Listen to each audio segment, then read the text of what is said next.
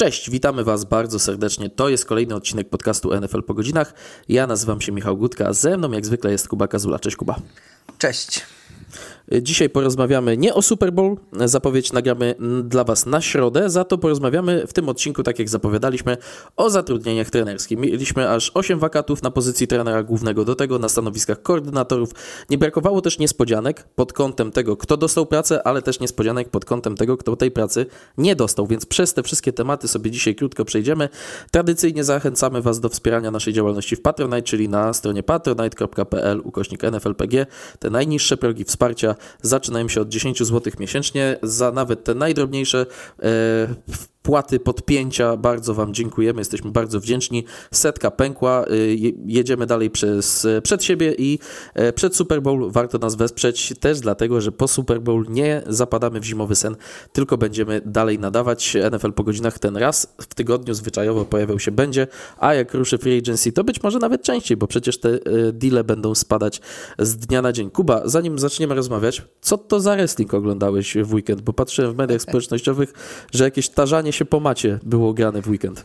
A tak, to Polska, Polska, Polska Federacja PTW, Primetime, Primetime Wrestling, to akurat faktycznie od niedawna y, było wiele prób polskiego wrestlingu, z tego co ja pamiętam, odkąd się interesuję, y, ale chyba mało było tak udanych. Połączenie faktycznie polskich wrestlerów ze ściąganiem gwiazd z zagranicy bardzo często byłych, byłych gwiazd WWE i tak dalej na gościnne występy, co automatycznie przyciąga ludzi, no i poprawia jakość zdecydowanie tego, co się, tego, co się ogląda. Tutaj ciekawostka dla, dla fanów NFL na gali, na której byłem e, w main evencie, a w zasadzie po main evencie za e, zadebiutował pewien były wrestler WWE z przeszłością w NFL, mianowicie nasz Babs, Babatunda Jekbusi.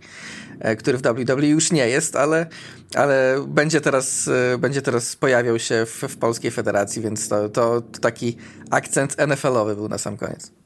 No proszę bardzo, więc jeżeli lubicie wrestling, to warto się tym zainteresować. Ja, jeśli chodzi o moją styczność z wrestlingiem, to są gry na PlayStation. E, SmackDown, który się nazywał Shut Your Mouth, to chyba w 2002 albo 2003 roku to wyszło. Tak, bardzo dawno temu. Tak, fajna gierka i lubiłem e, SmackDown kontra Raw chyba 2009 albo 2010. Mm -hmm. Zawsze grałem Edge'em, Rey Mysterio i Batistą. To było trzech moich ulubionych wrestlerów przez te I wszystkie dwóch z nich dalej walczy, także... Proszę bardzo, proszę bardzo. Którzy? Edge i Rey Mysterio. No właśnie, tak myślałem, bo Dave, ba Dave Batista to chyba się jakimś aktorstwem też zajmował. On tak, tam. on poszedł w film i chyba z tych z tych wrestlerów zmieniających się w aktorów, do których należy jeszcze oczywiście The Rock. E, I, choć, I chociażby John Cena, to on gra w takich, no powiedziałbym, najambitniejszych produkcjach. Proszę bo, bardzo. Czy... Bo The, The Rock, no trudno powiedzieć, że czy cokolwiek, w czym gra The Rock jest ambitną produkcją, biorąc pod uwagę, jak te filmy wyglądają. The Rock to jest jak Steven Seagal, jedna mina, tysiąc filmów. A Batista no, był, czarny, był jednym z czarnych, no może nie, nie, głównym czarnym charakterem, ale jednym z w Bondzie. E, był, był, grał też w, w, w Nights Out, w tym detektyw, detektywistycznym filmie Netflixa. No i oczywiście jego najlepsza rola to w sumie akurat no, mniej poważna, bo komiksowa w Strażnikach Galaktyki, ale, ale gdybym, gdybym, miał, gdybym miał powiedzieć y, poziom aktorstwa właśnie Sina, Rock, Batista, no to Batista kolegów przerósł, co jest w sumie dość dziwne, biorąc pod uwagę, że jakbyśmy mieli wskazać ich poziom aktorstwa w ringu, w wrestlingu, to Batista miałby pewnie najmniejszy. Tak, Pewnie tak. Kiedyś widziałem jeszcze a propos Deroka takiego mema, ekran podzielony, e, czy zdjęcie podzielone na cztery kratki. W każdej jest Derok taki upocony, zasapany w koszuli takiej w kolorze piaskowym, moro, coś takiego i napisane, że nie uwierzycie, ale to są kadry z czterech różnych filmów. Z tyłu jakaś eksplozja, albo coś tam się przewraca, coś tam spada. E, a z Batistą zawsze pamiętam, e, tam tak jak... w tych grach wrestlingowych komentarz, bo ci komentatorzy byli śmieszni jak się zabierałem do Batista Bomb, to komentator komentator zawsze krzyczał And he's going for the kill. Zawsze mi się to e, utrwaliło w głowie. Jeszcze, jeśli chodzi o The Rocka, to podobnie z Jasonem Stathamem i teraz niedawno wyszedł film Pszczelarz i widziałem, z Jasonem Stathamem oczywiście i widziałem, widziałem, o, widziałem komentarz, że e, dlaczego w ogóle filmy z Jasonem Stathamem mają tytuły Że to powinien być po prostu film pod tytułem Jason Statham 36 i my wszyscy wiemy, o co chodzi, my wszyscy chcemy to zobaczyć. Co to jest pszczelarz? Nawet nie jesteśmy w stanie sobie wyobrazić. A Jason Statham 36, wiemy czego się spodziewać, wszyscy idą do kina.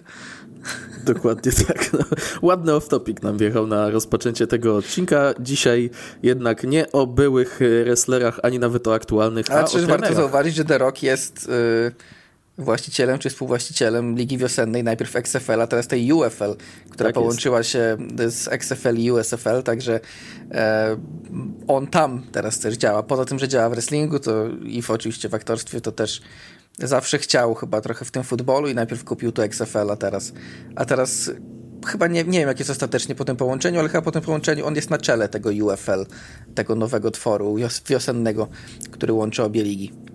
Tak, e, Dwayne Johnson grał też przecież futbol amerykański na Uniwersytecie Miami. E, to była wtedy e, szkoła bardzo, bardzo utytułowana, jeśli chodzi o futbol amerykański. On chyba z Warrenem Sapem i Russellem Marylandem w jednej linii grał, czyli graczami, którzy poszli bardzo wysoko w drafcie. Maryland był w ogóle jedynką, także miał doborowe towarzystwo. Sam był defensive endem, ale grał tylko w Kanadzie. Do NFL się nigdy, nigdy nie załapał. E do NFL, czy na karuzelę trenerską w NFL nie załapało się też kilku ludzi. I zanim przejdziemy sobie do tych, którzy pracę dostali, to chcę Kuba zacząć od tych, którzy pracy nie dostali, bo Mike Vrabel i Bill Belichick są bez posady po tym, jak ta karuzela trenerska się zatrzymała. Szok? W przypadku Vrabela trochę tak, w przypadku Belicika niekoniecznie. Nawet mimo tego, że mówimy o gołcie, który może przyjść i zaświecić pierścieniami, które się nie mieszczą na palcach dłoni.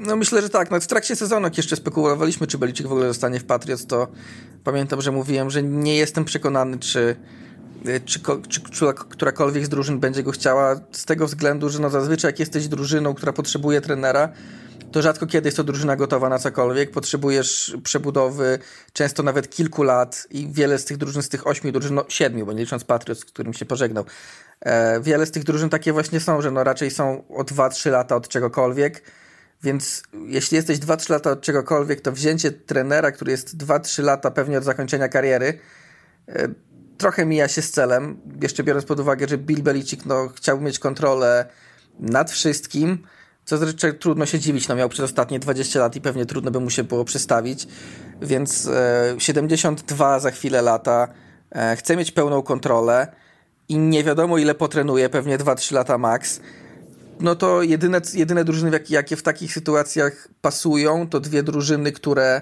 e, to drużyny, które no, które mają szansę w najbliższej przyszłości coś wygrać. Może niekoniecznie Super Bowl, ale nie wiem, dywizję albo e, coś, coś takiego. No i w sumie takich drużyn w tym cyklu było dwie, Chargers i Falcons. No i Chargers poszli w kierunku innego bardzo dużego nazwiska, o którym powiemy, czyli Jima Harbo.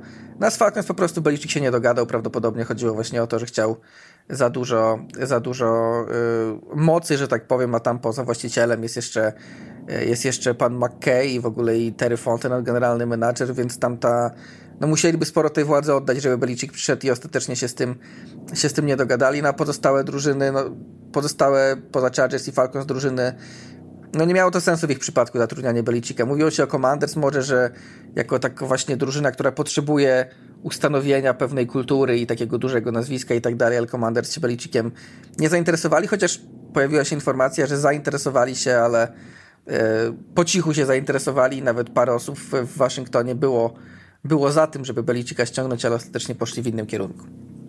Co dalej z Billem Belichickiem? Zanim przejdziemy do Mike'a Vrabela, to dopchnijmy ten wątek do końca. Czy Bill Belichick czeka na otwarcie jakiejś posady w przyszłym sezonie? Widzę, że już dużo osób łączy kropki na przykład z New York Giants, gdzie krzesło trenerskie zawsze jest gorące, a Brian Dable chyba ma trochę też gorącą głowę, bo kolejni koordynatorzy i jego asystenci, współpracownicy anonimowo gdzieś przekazują do mediów, że jest trochę dupkiem, mówiąc w skrócie, Brian Dable, po ostatnim sezonie, kiedy mm, Giants nie weszli do playoffów, pewnie rozpocznie sezon na lekkim musiku e, i ta, ten parowar w Nowym Jorku może go tam trochę ugotować.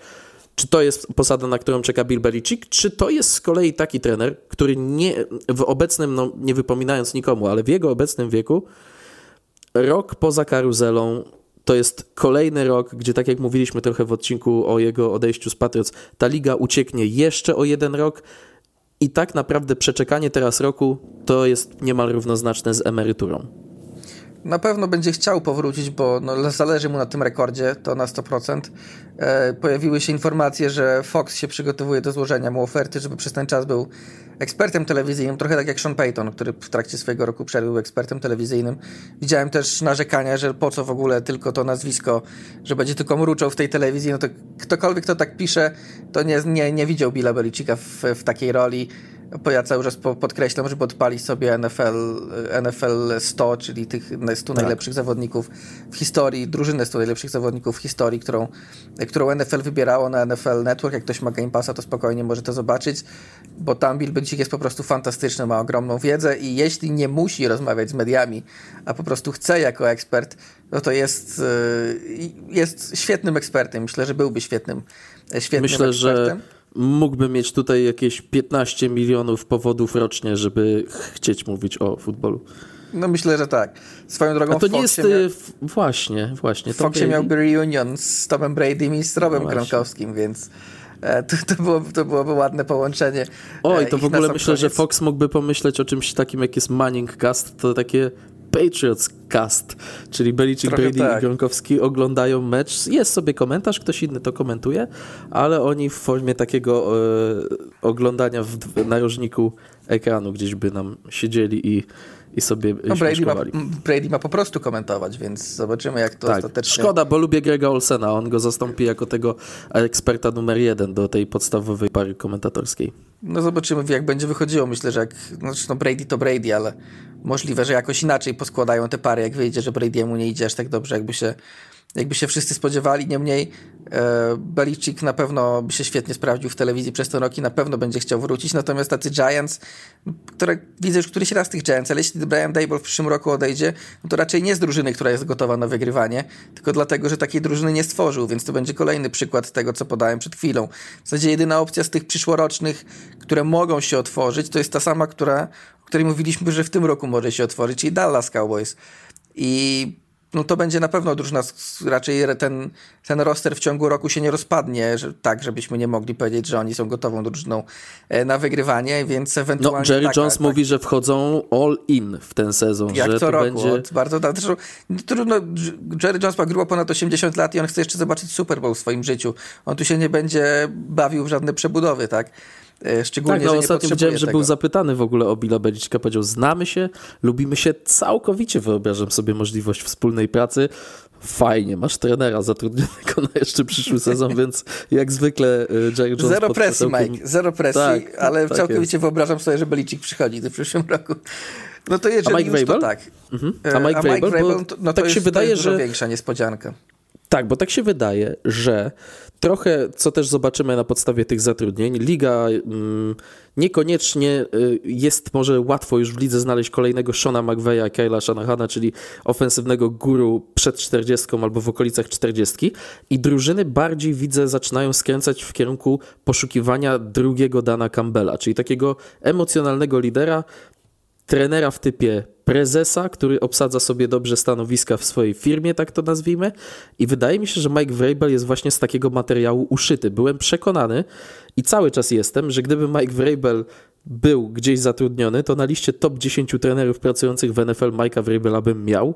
No ale nie będę go miał na takiej liście, bo on przyszły sezon, e, w przyszłym sezonie żadnej drużyny nie poprowadzi. Twoim zdaniem to jest też czekanie przez sezon, czy to będzie taki kandydat, który na przykład, nie wiem, przyjdzie co do czego, będziemy rozmawiać o drużynach, które są e, po jakimś gorszym starcie, start 1-4-0-5, szybka zmiana trenera i wtedy wszyscy dzwonią do Mike'a Vrabela, czy też e, lekki odpoczynek od NFL? Wydaje mi się, że to będzie rok przerwy. Pojawiają się różne informacje. Widziałem, że e, fani Patriots nakręcają chociażby mm, sytuację, że skoro były pogłoski, że on chce przyjść do Patriots, Patriots ostatecznie postawili na Jeroda Mayo, no ale może ostatecznie, skoro nie ma pracy, to przez ten rok zostanie, nie wiem, jakimś asystent head coachem, advisorem czy coś tam i potem sobie pójdzie gdzie indziej, ale przez ten rok pobędzie w Patriots. Nie wydaje mi się, żeby on przyjął taką, taką, taką rolę. E, z tego samego powodu, z którego wydaje mi się, że, że niektóre drużyny mogły się troszkę od Vrabela odsunąć, czyli po tym zwolnieniu e, pojawiało się bardzo dużo informacji, że trochę, no, że sporo kwasu było w tych Titans e, w ciągu ostatniego roku, między nim a e, właścicielką, a innymi w drużynie, że Vrabel tak właśnie też próbował sobie bardzo wpływać na wszystko w zasadzie, tak trochę coraz więcej zagarniać władzy, mimo tego, że miał generalnego menadżera i właścicieli oczywiście. I myślę, że to, to mogło trochę odstraszyć drużyny, że okej, okay, Vrabel wydaje się bardzo dobrym trenerem, ale jednocześnie Titans nie mieli wyników, plus wychodzą do tego te, te rzeczy spoza boiska. I dla niektórych właścicieli na pewno to było odstraszające i mówię tutaj o tych, którzy na przykład w ogóle Vrabela nie zaprosili na rozmowy, bo tam dwóch, trzech, dwóch, trzech zaprosiło, ale mm, to mógł być problem. I z tego samego powodu myślę, że on raczej się nie nadaje już w tej chwili do roli, nie wiem, asystent head coacha, koordynatora albo, kogo, albo advisora, bo no, za silną ma pozycję i ogólnie w lidze i w swoim mniemaniu, żeby nie próbować wpływać na drużynę, tylko stać z boku i ewentualnie coś tam, e, coś tam podpowiadać. Kończąc e, analogię Patriots, e, widziałem, że Ben McAdoo się szykuje do, do tego, żeby, żeby być takim właśnie asystent head coachem, advisorem dla młodego head coacha Jeroda Mayo i dla, dla ofensywnego koordynatora. No i to jest dobra opcja. No, Bena McAdoo nikt nie będzie brał na head coacha w najbliższym czasie, o ile w ogóle, kiedykolwiek jeszcze. On raczej też nie ma takiego charakteru, który nagle, który nagle będzie próbował w jakieś swoje rządy wprowadzać, mimo tego, że tytuł na to nie wskazuje. A przy Vrabelu na miejscu właścicieli i sztabu bym się trochę tego bał. Dlatego dostałem, że to będzie rok przerwy i, i za rok się karuzela zakręci i Vrabela będziemy widzieć w wielu miejscach na rozmowach. Widziałem też przymiarki, że Mike Vrabel mógłby objąć Uniwersytet Ohio State. Tam wprawdzie trenerem jest Ryan Day, który osiąga dobre wyniki, ale też Ryan Day był kilkukrotnie przymierzany do przesiadki do NFL, więc może za rok e, Mike Vrabel e, też będzie tutaj na celowniku. Niemniej no, z całego rozdania e, trenerskiego tych dwóch trenerów, którzy są jak w przypadku Beliczyka bardzo utytułowani, gdybyś jak miał, w przypadku Vrabela szanowani. Gdybyś miał, gdybyś miał powiedzieć już po zwolnieniu Vrabela postawić na trzech trenerów którzy na pewno dostaną w tym cyklu pracę, to wielu postawiło na Bena Johnsona, Billa i, i, i, i Mike'a Vrabela. I to się ładnie łączy, bo o Benie Johnsonie też chcę w tym momencie porozmawiać, jako tym, który pracy nie dostał, bo on w roli koordynatora Detroit Lions pozostaje. Pozostaje też na stanowisku koordynatora ofensywnego Houston Texans Bobby Slowick, y, czego mogliśmy się bardziej spodziewać, ale właśnie Ben Johnson wydawać by się mogło, że najbardziej rozchwytywany kandydat. No, nawet tak było, bo on kilka tych rozmów e, przeprowadził z drużynami NFL. Miał być podobno blisko o, posady trenera głównego w Waszyngtonie, ale rzekomo chciał za dużo pieniędzy, albo taki przekaz próbuje teraz forsować e, właścicielstwo Washington Commanders. Myślisz, że to naprawdę jest przez to, że Ben Johnson e, nie dogadał się finansowo e, i ma o sobie jakieś ogromne mniemanie, czy tam są inne czynniki, które zostawiły go przez jeszcze jeden sezon w Detroit? Szczerze mówiąc, biorąc pod uwagę na te informacje, jakie widzimy, to trudno stwierdzić i trudno będzie nam stwierdzić, co się wydarzyło na tych rozmowach, bo widać, że obydwie strony, czyli i Commanders i Johnson, wpuszczają do mediów po cichu swoje wersje wydarzeń.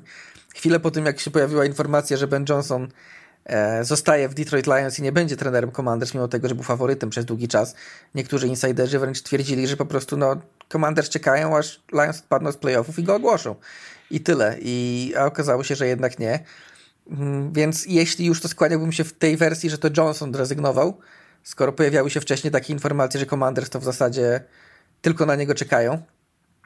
Natomiast e, pojawiły się informacje od razu po tym, że tak naprawdę to Ben Johnson wcale jakoś nie miał imponującego, imponującej rozmowy kwalifikacyjnej z Commanders, że chciał bardzo dużo pieniędzy, e, od Commanders i ogólnie to, to, to, to, to, co powiedziałeś, a z drugiej strony wychodzą informacje z obozu Bena Johnsona, że on uważał, że ci goście od koszykówki, jak to, naz jak to nazwano, tych panów z Commanders, bo faktycznie są tam byli oficjele, chociażby Golden State Warriors, którzy pomagają Joshowi, Harriso, Harrisowi w zatrudnieniu trenera, że ci panowie od koszykówki mieli nad wyraz mocne opinie o futbolu i to się nie podobało Benowi Johnsonowi, że oni wchodzą but, z butami w, w te kompetencje i jakby sugerowali różne rzeczy, kiedy no, w futbolu nigdy nie pracowali. I tak, tak, tak jest taka mała przypychanka na źródła z obydwu stron i pewnie się nie dowiemy, jak ostatecznie było naprawdę, chyba że no, do momentu, chyba, w którym może Ben Johnson w końcu zostanie tym head coachem. Zresztą no, to musiała być jego decyzja. Z Commanders ok, Commanders mogli podjąć decyzję, że nie chcą Bena Johnsona. To jakby jak najbardziej mogli, nie, nie wiem czy tak było, ale mogli. No ale gdyby Ben Johnson chciał być head coachem w tym cyklu, to na pewno byłby head coachem w tym cyklu. Któraś z drużyn na 100% by go wzięła. Tylko on pewnie niektórym odmówił, może nawet rozmowy, albo już w pierwszej rozmowie powiedział, że raczej średnio jest zainteresowany ich drużyną. Albo nie, albo zanim zdążyło do czegokolwiek dojść, to, to po prostu poinformował, że on się wycofuje i tyle.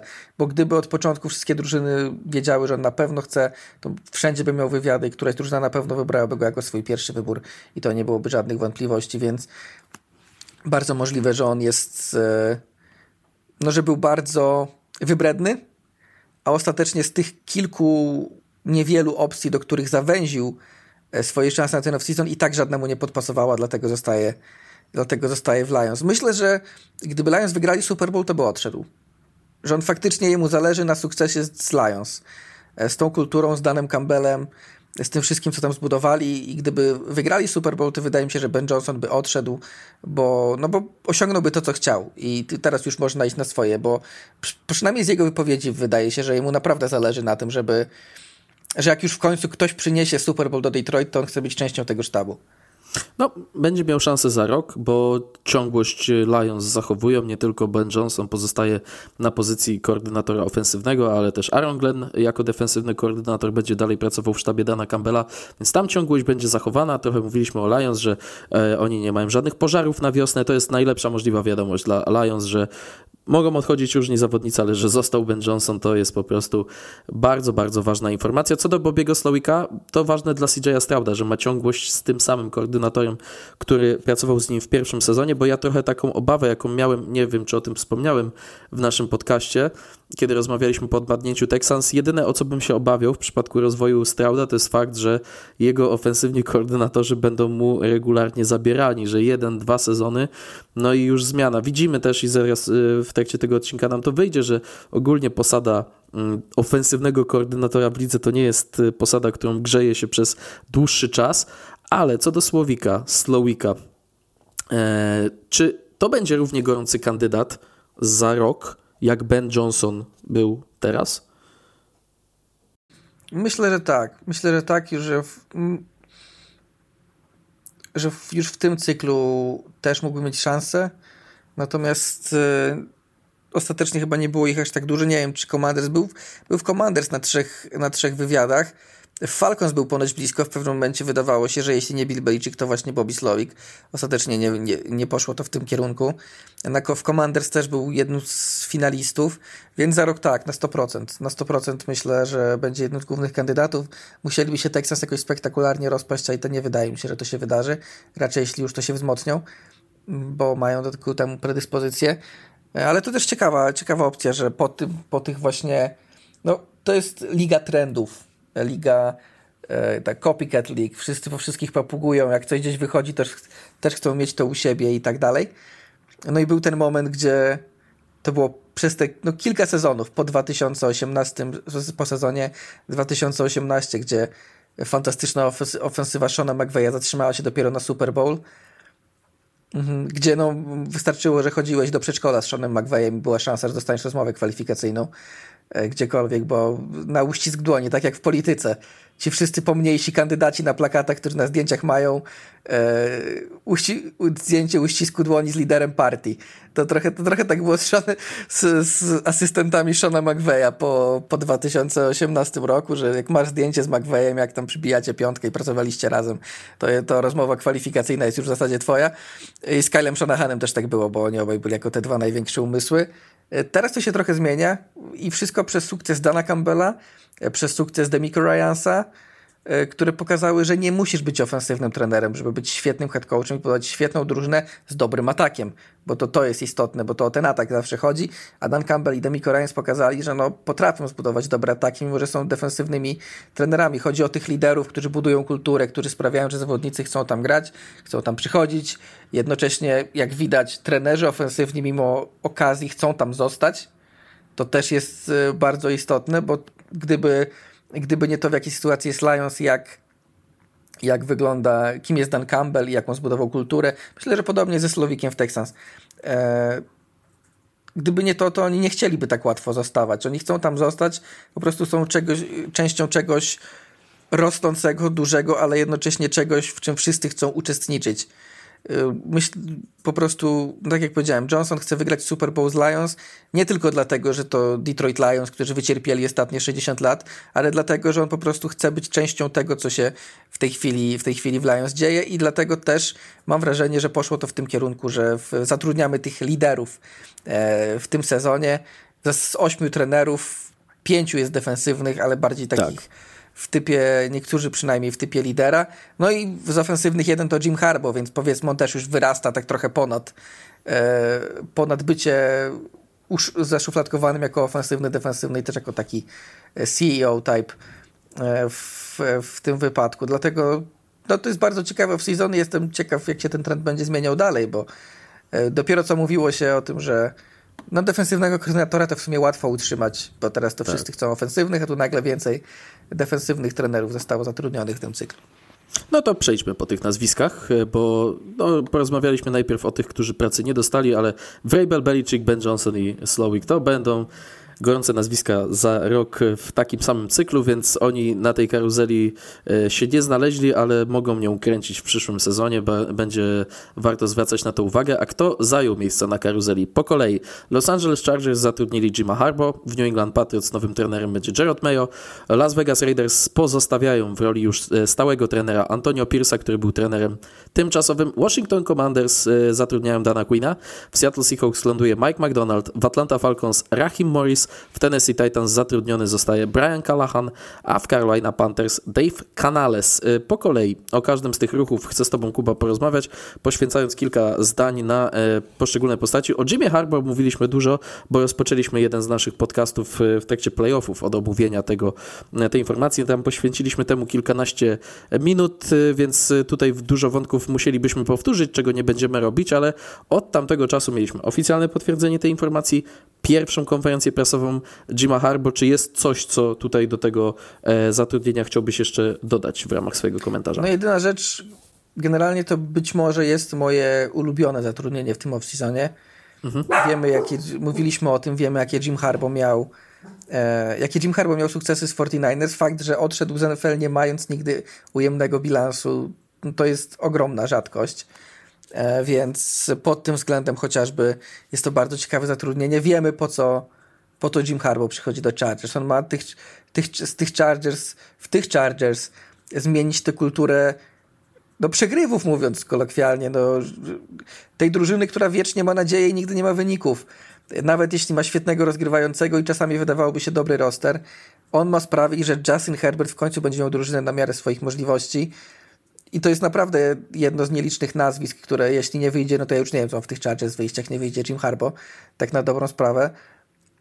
Mm, jedyne, co mnie martwi trochę, to taki, znaczy to jest automatycznie, całkowicie zrozumiałe, można powiedzieć, ale to, to jest taki beliczykizm trochę w zatrudnianiu asystentów, że właśnie Greg Roman tam został ofensywnym koordynatorem teraz, niedawno zwolniony z Ravens i wiemy, że Greg Roman to jest człowiek, który na który stworzył Colina Kapernika dla San Francisco 49ers i system, jaki stworzył San Francisco 49ers wtedy, za czasów Jima Harbo właśnie, pozwolił im wejść do Super Bowl i pozwolił Colinowi Kapernikowi rozwinąć się w, w konkretną postać w NFL. Wiemy, że pomógł też w pierwszych latach Lamarowi Jacksonowi jako ofensywny koordynator Baltimore Ravens. Ta gra biegowa Lamara to była w dużej mierze zasługa Grega Romana. Z tym, że Greg Roman zawsze jest tym człowiekiem od gry biegowej właśnie, co mnie nieco martwi w, w, w, kontekście Justina Herberta, który nie jest przede wszystkim biegowym rozgrywającym w pierwszej kolejności, tak jak Lamar, czy, czy tak jak często był Colin Kaepernick. E, dlatego jestem bardzo ciekaw, a jednocześnie trochę obawiam się o to, jak będzie wyglądała gra podaniowa Chargers e, pod wodzą Grega Romana. Miejmy nadzieję, że Jim Harbaugh jako trener ofensywny trener z backgroundem ofensywnym swoje tutaj zrobi i powie, dobra Greg, to ty, ty ogarnij grę biegową, ja z, ja z tą podaniową już, e, już, już temat ogarnę i, i, jakoś to będzie funkcjonowało, bo to jest, to jest jedyne zastrzeżenie w sumie, jakie, e, jakie mam, jeśli chodzi o, o, o ten sztab Jima Harbo, ale myślę, że będzie mi mimo wszystko w stanie Jim Harbo jako ten właśnie CEO, czy tam COO, w zależności od stanowiska, sobie z tym poradzić. E, ja tutaj chciałem przeprosić za te psie szczeknięcia, które pojawiają się w tle. Jestem pod, mam pod opieką na kilka dni psa mojej dziewczyny Karoliny. 7 kilo psiego tajfunu, który po prostu jak usłyszy włączanie światła na klatce przez sąsiadów ma gigantyczną potrzebę, żeby mnie bronić, e, więc Co więcej, czuję się broniony. Jest co więcej, obok jest twój pies Danusia, który waży znacznie więcej i jeszcze się nie Prawie zdarzyło. cztery dyszki, tak. I jeszcze się chyba nie zdarzyło, żeby nam kiedykolwiek szczeknęła w trakcie nagrania, a tu o, nie, mały nie, tajfun jest... już. To jest piękny kontrast. 7 kilo i po prostu nerwy roznoszą. 35 czy tam 40 nie będzie kobiecie wypominał wagi. Cisza, spokój, nic jej nie obchodzi, nigdy nam nie szczeknęła za to, w Za to podcastu. koło mnie w tej chwili jest potężne 2 kilo ko kociej wagi, także ale chwilowo się chyba uspało, także miałknięć nie powinno być słychać.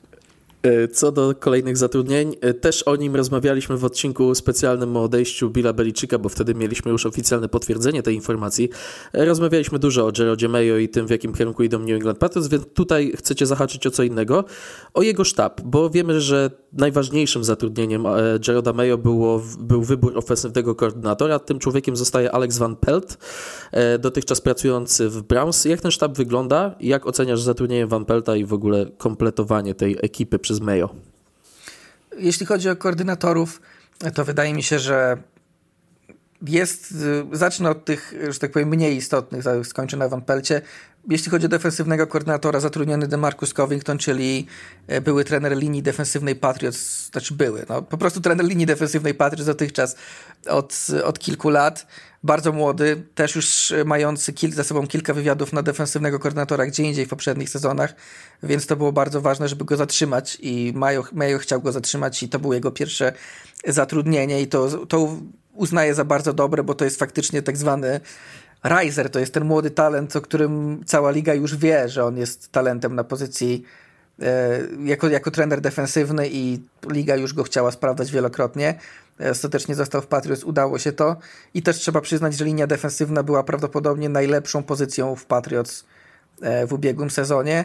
Oczywiście poprzeczka wysoko zawieszona nie była, ale no Covington odpowiada za to. Covington odpowiada za e, wystrzał Christiana Barmora jako, jako naprawdę bardzo dobrego defensive tackla, pastraszującego również, za to, że Patriots mieli, oddawali zaledwie 3,3 yarda na próbę biegową w całym ubiegłym sezonie.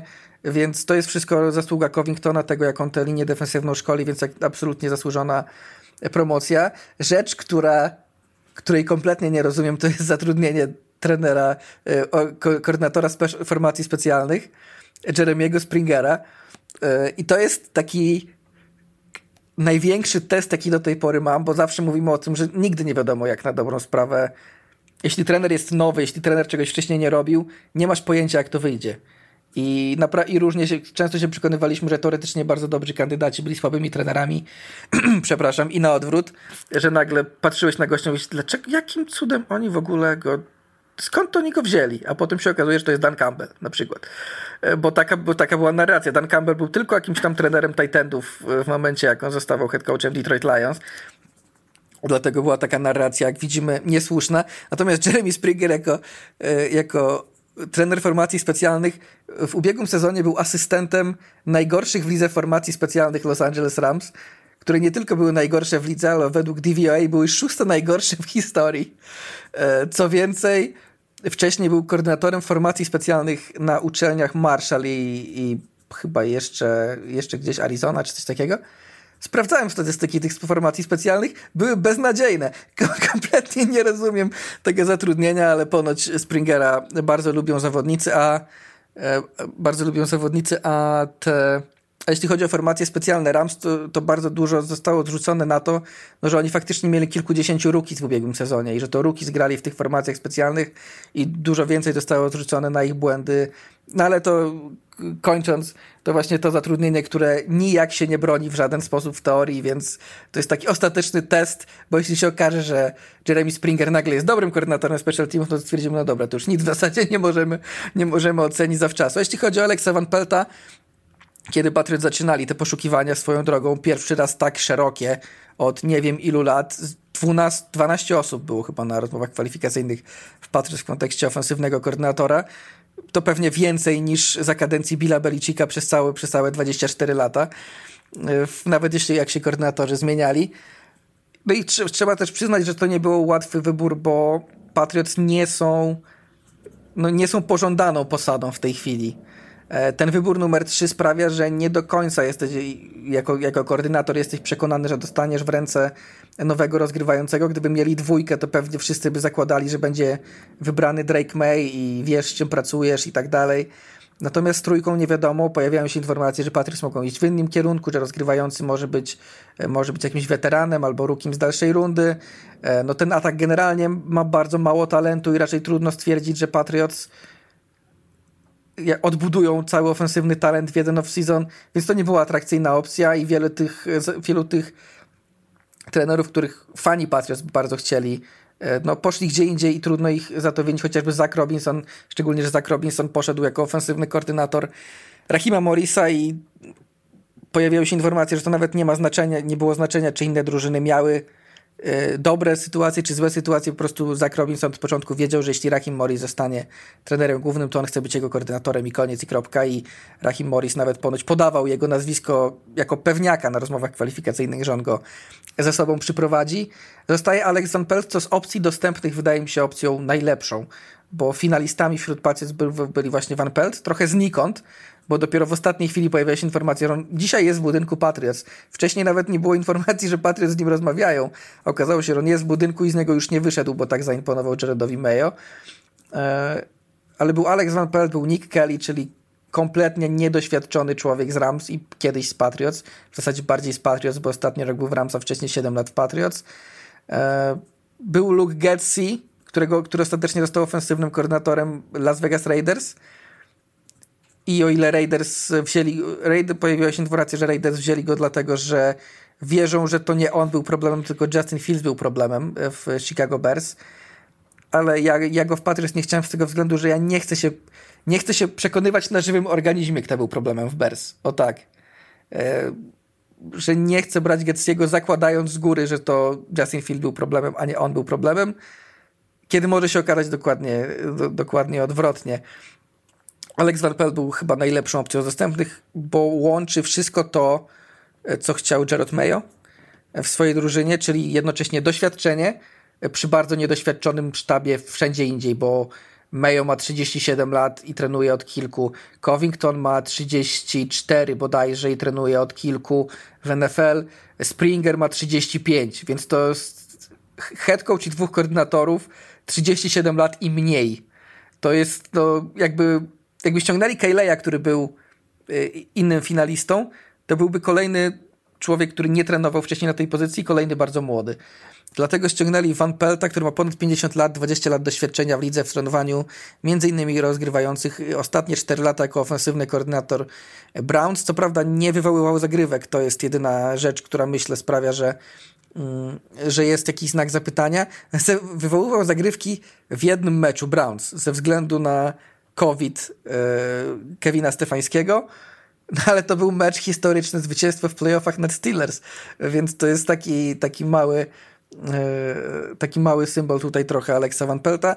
Wiem, że wiemy, że czytaliśmy z, ze źródeł będących w Browns, że to nie było tak, że Browns go po prostu zwolnili, że Kevin Stefański chciał go zostawić, że zawodnicy go bardzo lubili, że to było trochę tak z góry bardziej e, decyzja z góry na tej zasadzie, że nie, jesteś, nie, nie byliście w stanie zrobić czegokolwiek w tym roku z Deshanem Watsonem, jak był zdrowy, on nie grał dobrze, więc chcemy konsekwencji, a Kevina Stefańskiego nie zwolnią, przynajmniej na razie nie, no to ktoś musiał polecieć, poleciał Alex Van Pelt, ale tak jak mówię, to jest, jest, to jest pomieszanie tego, co, co czego chciał Patriot Jared Mayo, czyli doświadczony, e, ma, ma przeszłość w pracy z rozgrywającymi, co może się przydać, jeśli będzie nowy, młody rozgrywający, co więcej, wywodzi się nie, poniekąd systemu takiego Shanahanowo-kubiakowego, powiedziałbym, bo jest z drzewka Kevina Stefańskiego, a Kevin Stefański wywodzi się od Garego Kubiaka, a Gary Kubiak od Majka Shanahana. Wiemy dokładnie, jak to wszystko, jak to wszystko wygląda. Czyli jest jednocześnie czymś, czego Patriot szukali, czyli takie drzewko McVeigh slash Shanahan, a jednocześnie był w wielu organizacjach, więc ma też domieszki innych stylów, nie, nie zamyka się na, na, na jedną sprawę. No i to, co powiedziałem, czyli że no, zawodnicy go uwielbiali, jest takim kolejnym człowiekiem odbudowania kultury. Bardzo mocno Jared Mayo na to stawia, on sam ma być takim człowiekiem, ale najwyraźniej w ofensywnym koordynatorze też tego szuka. Pojawiały się informacje, że Josh McDaniels może być takim głównym kandydatem do przyjęcia Patriots jako ofensywny koordynator i mam wrażenie, że te, ten element kulturowy był jednym z powodów, dla którego nie był nawet brany pod uwagę przez Jeroda Mayo, bo ile McDaniels ofensywnym koordynatorem jest solidnym i pewnie byłby w stanie z tej beznadziejnej ofensywny Patriot zrobić średniaka, o tyle mówimy o człowieku, który dopiero co odszedł z Raiders i po jego odejściu w Raiders odpalili cygara w szatni i wszyscy go tam absolutnie nienawidzili, więc taki człowiek do budowania kultury no tak raczej średnio. Alex Van Pelt znacznie lepiej i o ile w teorii można powiedzieć, że opcje były lepsze, o tyle z tych ostatecznie dostępnych powiedziałbym, że ta była najlepsza dla Patriots. E, wyczerpałeś ten temat jak najszerzej, więc idziemy dalej. Las Vegas Raiders, oni zostawiają na stanowisku trenera głównego Antonio Pierce'a była presja zawodników na to, żeby taki ruch y, był tam podjęty w Raiders i to się ziściło. No, no było nawet, była nawet informacja, że Max, Max Crosby poprosi o wymianę, jak on nie zostanie head coachem. Tak, były nie tyle prośby, co szantaże i Washington Commanders, yy, przepraszam, Las Vegas Raiders, bo Washington Commanders mam dalej w notatkach i mi się to zlało w oczach. Yy, Las Vegas Raiders zatrudniają Pierce'owi generalnego menedżera Toma Telesco, który przeskakuje z Los Angeles Chargers do Las Vegas Raiders. Właśnie wspomniany Luke Getzi zostaje tutaj ofensywnym koordynatorem, chociaż bardzo blisko e, był Cliff Kingsbury. Tam na ostatniej prostej się ten temat rozsypał w Raiders. E, czy Twoim zdaniem to będzie drużyna, która już w tym drafcie będzie polowała na rozgrywającego? Bo ten szum wokół koordynatora mm, ofensywnego chyba każe nam tak myśleć. No jest, jest tutaj będzie też wokół ofensywnego koordynatora. Opcja Raiders, jeśli chodzi o Raiders i o head coacha, w tym wypadku o Antonio Pierce'a, no to tak jak powiedziałeś, wydaje się, że nie mieli Raiders innego wyjścia. E, z dwóch powodów. No pierwszy to jest taki, że zawodnicy stanęli za nim murem, ponoć nawet wysyłali e, tam jakiś komitet e, do, do Marka Davisa, mówiący, że sugerujący delikatnie, że chcielibyśmy tego pana z powrotem. Pamiętam, że ostatni raz, kiedy coś takiego się wydarzyło, zawodnicy Panthers wysyłali komitet, żeby Panthers zostawili Steve'a Wilksa, jak był tymczasowym trenerem. Nie zostawili, źle się to dla nich skończyło. I drugi powód to jest to, że Mark Davis już raz stracił takiego tymczasowego trenera, bo Rich Bisaccia e, po zwolnieniu, po zwolnieniu Johna Grudena był tym, który no, który doprowadził Raiders do samego końca sezonu i też zawodnicy chcieliby bardzo, żeby został i w kibice chcieliby, żeby został, a Mark Davis to odrzucił i zatrudnił no, Josha McDanielsa, co skończyło się, wiemy doskonale jak, więc e, drugi raz nie chciał popełnić tego błędu, dlatego zostaje Antonio Pierce. Jeśli chodzi o to zamieszanie wokół ofensywnego koordynatora, no tutaj będzie bardzo dużo plotek przez to, bo Cliff Kingsbury w ostatniej chwili zrezygnował z bycia koordynatorem Raiders, kiedy wszystko już było dogadane, brakowało tylko podpisu, stąd ten nagły, nagły zwrot. I poszedł do Commanders, którzy mają drugi wybór w drafcie. No a wiemy, że Cliff Kingsbury był teraz ofensywnym koordynatorem Caleba Williamsa. Więc już pojawiają się informacje, że Caleb faktycznie, oczywiście były plotki do tej pory, ale pojawiają się informacje, że Caleb zaraz faktycznie jeszcze powie tym Bears, że wiecie co, ja to do Bears nie chcę. Ja chcę do Commanders, do Cliffa, albo że Commanders będą się starali za wszelką cenę zrobić wymianę z Bears, e, żeby tego Caleba Caleba pozyskać i zostawić Bears na przykład Drake'a, Drake'a Maya przez to właśnie, że Kingsbury tam poszedł, że oczywiście to plotki, że Cliff Kingsbury właśnie dlatego poszedł do Commanders, że w jakiś sposób dostał zapewnienie, że Commanders powalczą o, o Caleba, Caleba Williamsa. No, jeśli chodzi o Raiders, to na pewno no, to przykra sprawa. Zawsze no, dla Raiders taka no, trochę może nie demotywująca to złe słowo, ale taka przykra dla kibiców, bo no wy, widzisz wyraźnie, że twoja drużyna wybrała swojego jakby no, wymarzonego powiedzmy w tym cyklu ofensywnego koordynatora, on ci mówi, wiecie co, to jednak ja jednak nie, ja jednak wolę do tych drugich. No to nic przyjemnego na pewno. I te no, 24 godziny w Raiders mm, powiedziałbym, że to były takie dość chaotyczne. I mam nadzieję dla Raiders, dla ich fanów, zawodników, że nie, były, nie była to panika z tym, z tym Luke'em Getsim, że to nie było zbyt wcześnie podjęta decyzja. Ja w takiej sytuacji chyba wolałbym, żeby na spokojnie Raiders jeszcze raz przeszli przez tych kandydatów, których mieli. Może kogoś innego dorzucili jeszcze z zewnątrz na rozmowę. Nigdzie się w sumie nie spieszy, przynajmniej chwilowo. E, wolna agentura za półtora miesiąca, a szczególnie, że ofensywny koordynator raczej nie ma tam jakichś wielkich, jakoś dużo do powiedzenia w tej kwestii. Ale no ten Luke Getzi trochę mnie przeraża, tak jak powiedziałem przed chwilą przy okazji Patriots, że no wiemy, co się stało w Bears. Wiemy, że Luke Getzi był koordynatorem Justina Fieldsa. Wiemy, że niektórzy patrzą na to, że w drugiej części poprzedniego sezonu to zaczęło wyglądać lepiej. Inni patrzą na to, że do tego momentu wyglądało bardzo źle. I też dlatego Luke Getzi został zwolniony. I jedni twierdzą, że to, że no, Bears twierdzą, że Luke Getzi był winny, bo został zwolniony.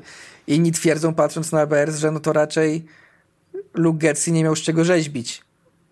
Ale to dowiemy się, jak Justin Fields trafi pewnie do nowej drużyny po wydraftowaniu przez Bears rozgrywającego i po tym, co Getzi zrobi w Raiders. No, dowiemy się na pewno, czyja to była wina z perspektywy czasu. Możliwe, że to po prostu obaj byli średni.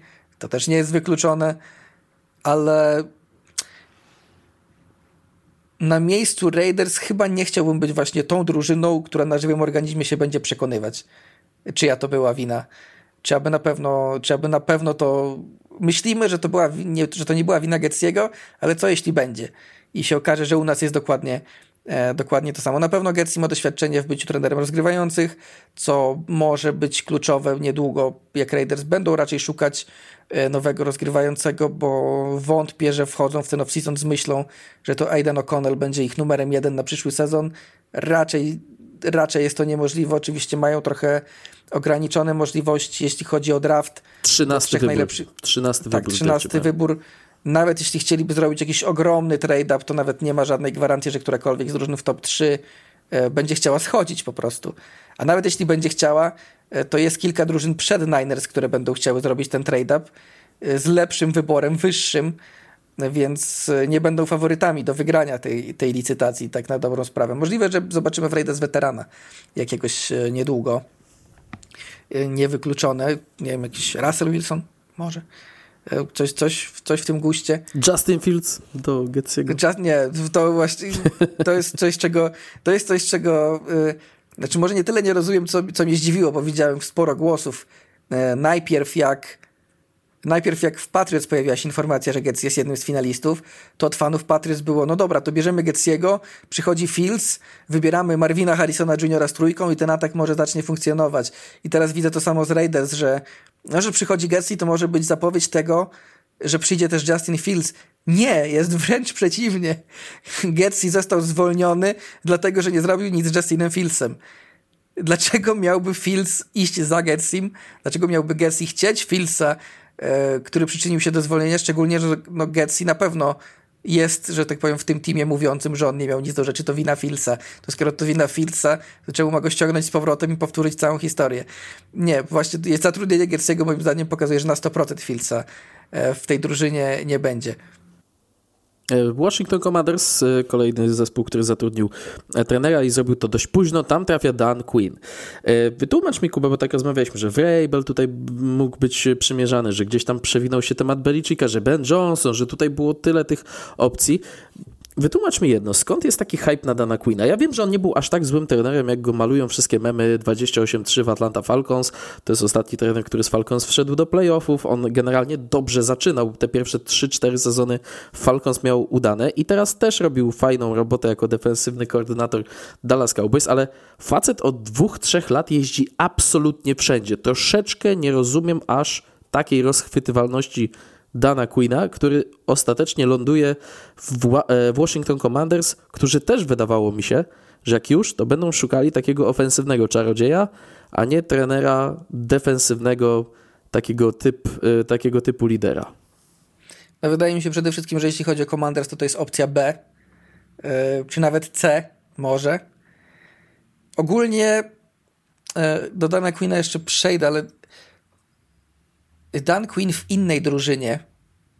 E, ja słabo oceniam ten, to zatrudnienie, ale głównie przez kontekst. Dan Quinn w innej drużynie inaczej byłby przeze mnie oceniany. Gdyby trafił do Seahawks, tak jak się zapowiadało, no to okej, okay, no to to jest to e, continuity, ta, ta ciągłość Mm, bo Dan Quinn był defensywnym, koordynator, defensywnym koordynatorem w Seattle pod Pitem Carrollem. Pete Carroll odchodzi, Dan Quinn przychodzi, zastępuje go, wszystko zostaje w rodzinie. Myślę, że w Seahawks e, wielu byłoby podekscytowanych taką opcją.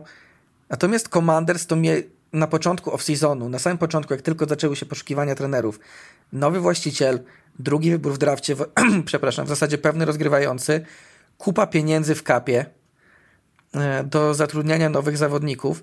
Generalnym menadżerem zostaje Adam Peters, czyli człowiek, który od dwóch, trzech lat jest uznawany za najlepszego kandydata na to stanowisko, jako ten prawa ręka e, Johna Lyncha w 49ers, który w dodatku od dwóch, trzech lat też był bardzo mocno wybredny i też tak podobnie jak Ben Johnson rezygnował z niektórych opcji, z niektórych ofert, czekał na właściwą, a tutaj Commanders po prostu na pstryknięcie palcem Niektórzy jeszcze nawet nie zdążyli zostać zwolnieni, a Peters był już zatrudniony w Commanders. Tak jakby pokazując, że no, on chciał te opcje od samego początku, jakby pokazując jednocześnie, że Commanders to jest ta najbardziej atrakcyjna opcja na rynku. Biorąc pod uwagę wszystko, co się wokół tej drużyny dzieje pozytywnego w ostatnim czasie, co jest swoją drogą no, dość poważną zmianą w kwestii Commanders w, w porównaniu do ery Dana, Dana Snydera. No więc pasowałoby, żeby do tego przed jakiś trener absolutnie stopu właśnie Ben Johnson, taki, taki jakiś topowy kandydat Ben Johnson, chociaż jakiś bardzo poważny, ofensywny umysł jak, jak Bob Slowik tak na to wychodzi.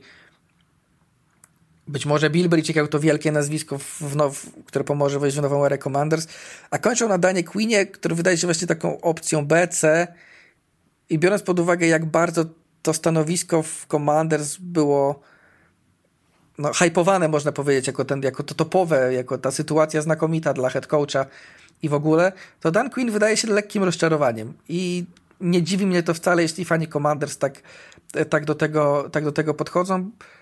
Wydaje mi się, że faktycznie e, dwie rzeczy tu mogły zadziałać.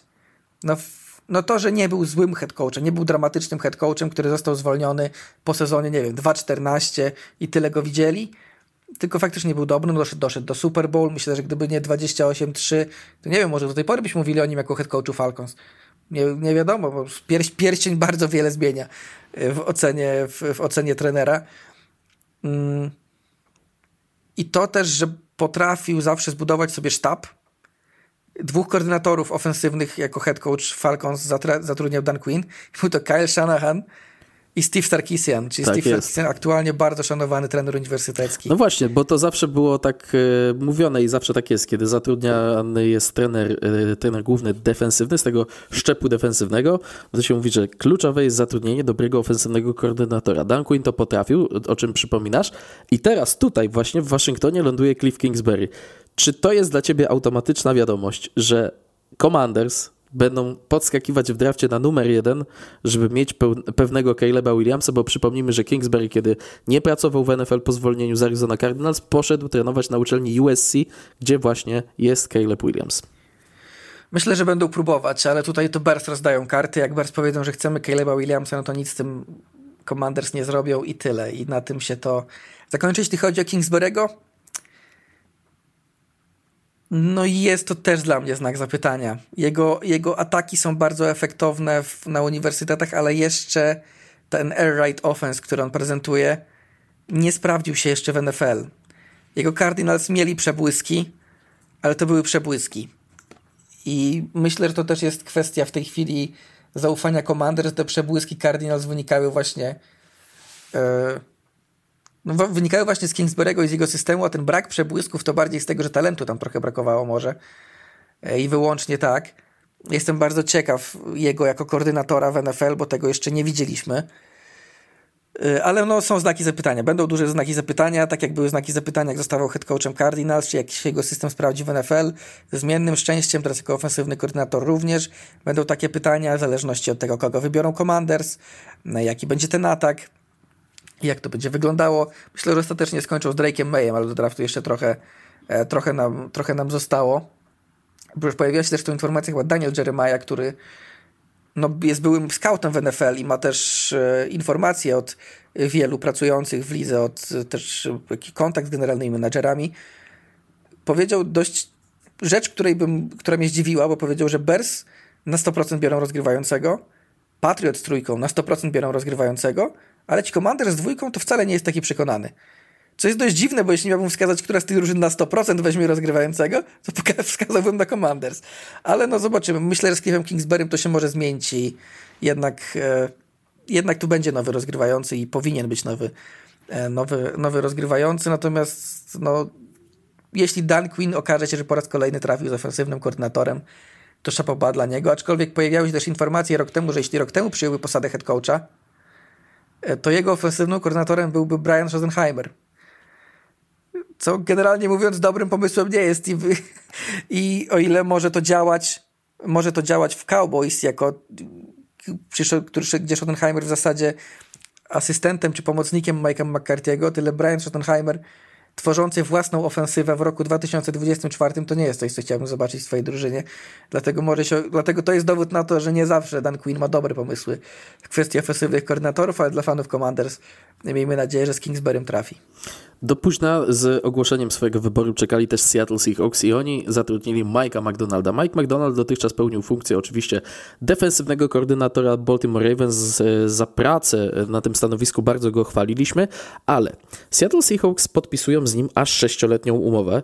To jest specjalista od zatrzymywania tych ofensyw z drzewka Kyla Shanahana, Shona McVeya, co nam e, pokazał w tym sezonie, więc trafia do dywizji, gdzie pracują Kyle Shanahan i Sean McVay i musi poprawić obronę obronę Seattle Seahawks, która przez lata cieniowała. Seattle Seahawks chcieli się odmłodzić po, po zwolnieniu e, Pita Karola, czy odsunięciu, bo widziałem, że niektórzy mieli do nas pretensje, że hola, hola, Seahawks go nie zwolnili. Trochę tak, trochę nie, ale wybierają trenera też defensywnego i podobno taki był plan A, że tu od początku miał przyjść człowiek, który jest specjalistą od defensywy. Ja wręcz myślałem, że jak zostały te dwa wakaty, czyli Waszyngton i Seattle, to będzie na odwrót. Queen pójdzie do Seattle, bo tam wszystkich zna, a y, McDonald pójdzie do Commanders, bo tam szukają młodości. Jest na odwrót. Mike McDonald jest dokładnie dwa razy młodszy od Pita Karola. No i tutaj wydaje się, że te zadania są jasne. W ofensywie podtrzymana będzie ciągłość. Myślę, że jak już, to Gino Smithowi jakiś konkurent przybędzie w formie wyboru w drafcie, który ma się od niego uczyć i to nawet niekoniecznie pewnie zawodnik wybrany w pierwszej rundzie. Trochę bym był mimo wszystko zdziwiony, biorąc pod uwagę potrzeby defensywy Seattle Seahawks, gdyby pierwszą rundę e, Mike McDonald przeznaczył na, e, na rozgrywającego od razu ze swoim pierwszym e, wyborem w roli trenera tego klubu.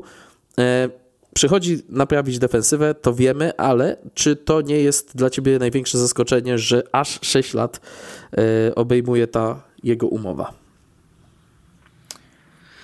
Nie jest to dla mnie zaskoczenie. To jest młody trener, któremu Seahawks chcą zaufać. Zresztą Seahawks to nie jest drużyna, która w ostatnim czasie żonglowała trenerami. Mieli przez tyle lat e, Pita, Pita Karola. Więc myślę, że też dadzą trochę czasu McDonaldowi, że tu nie będzie jakiegoś szybkiego zwalniania po sezonie czy dwóch dadzą mu szansę na odbudowanie faktycznie tej drużyny. I to też, e, to też pokazuje ten kontrakt.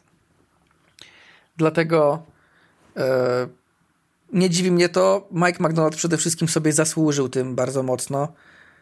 Pokazał wielokrotnie w tym sezonie, że potrafi się adaptować, że, że to nie jest tak, że po prostu Ravens mają mocną obronę, a on po prostu na niej jedzie tylko że to on jest twórcą tej mocnej obrony Ravens, co pokazał mecz Chiefs, gdzie no jego poprawki naniesione w przerwie sprawiły, że w drugiej połowie Chiefs nie zdobyli żadnego punktu.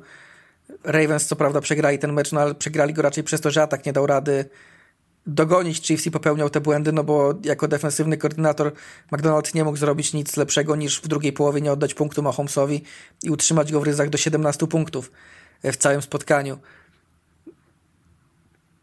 mówiłem zresztą, mówiliśmy zresztą po tym meczu, że właśnie te, ten game plan, to, te poprawki, które naniósł, mogą wręcz e, jego kandydaturę w, jako head coacha no, wzmocnić, bo pokazuje to, e, o ile, o ile osłabiło to kandydaturę chociażby Toda Monkena ewentualną przyszłościową, bo on nie potrafił wprowadzić poprawek, o tyle McDonald's zrobił to świetnie.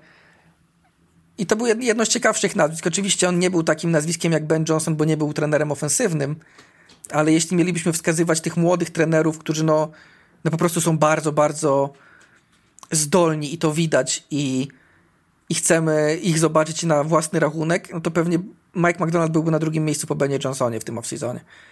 I naprawdę fakt, że Seahawks jako jedni z ostatnich zatrudnili trenera, że czekali z tym długo aż do odpadnięcia Ravens, e, no to pokazuje, że, e, że trafili, że czekali na niego, że trafili i że to się może dla nich bardzo dobrze e, skończyć. Miejmy nadzieję, że tak będzie, bo zawsze takich młodych trenerów, których, te, którzy idą na własny rachunek, to zawsze fajne historie widzieć, jak im się wiedzie, że tak powiem, na, na tak. swoim.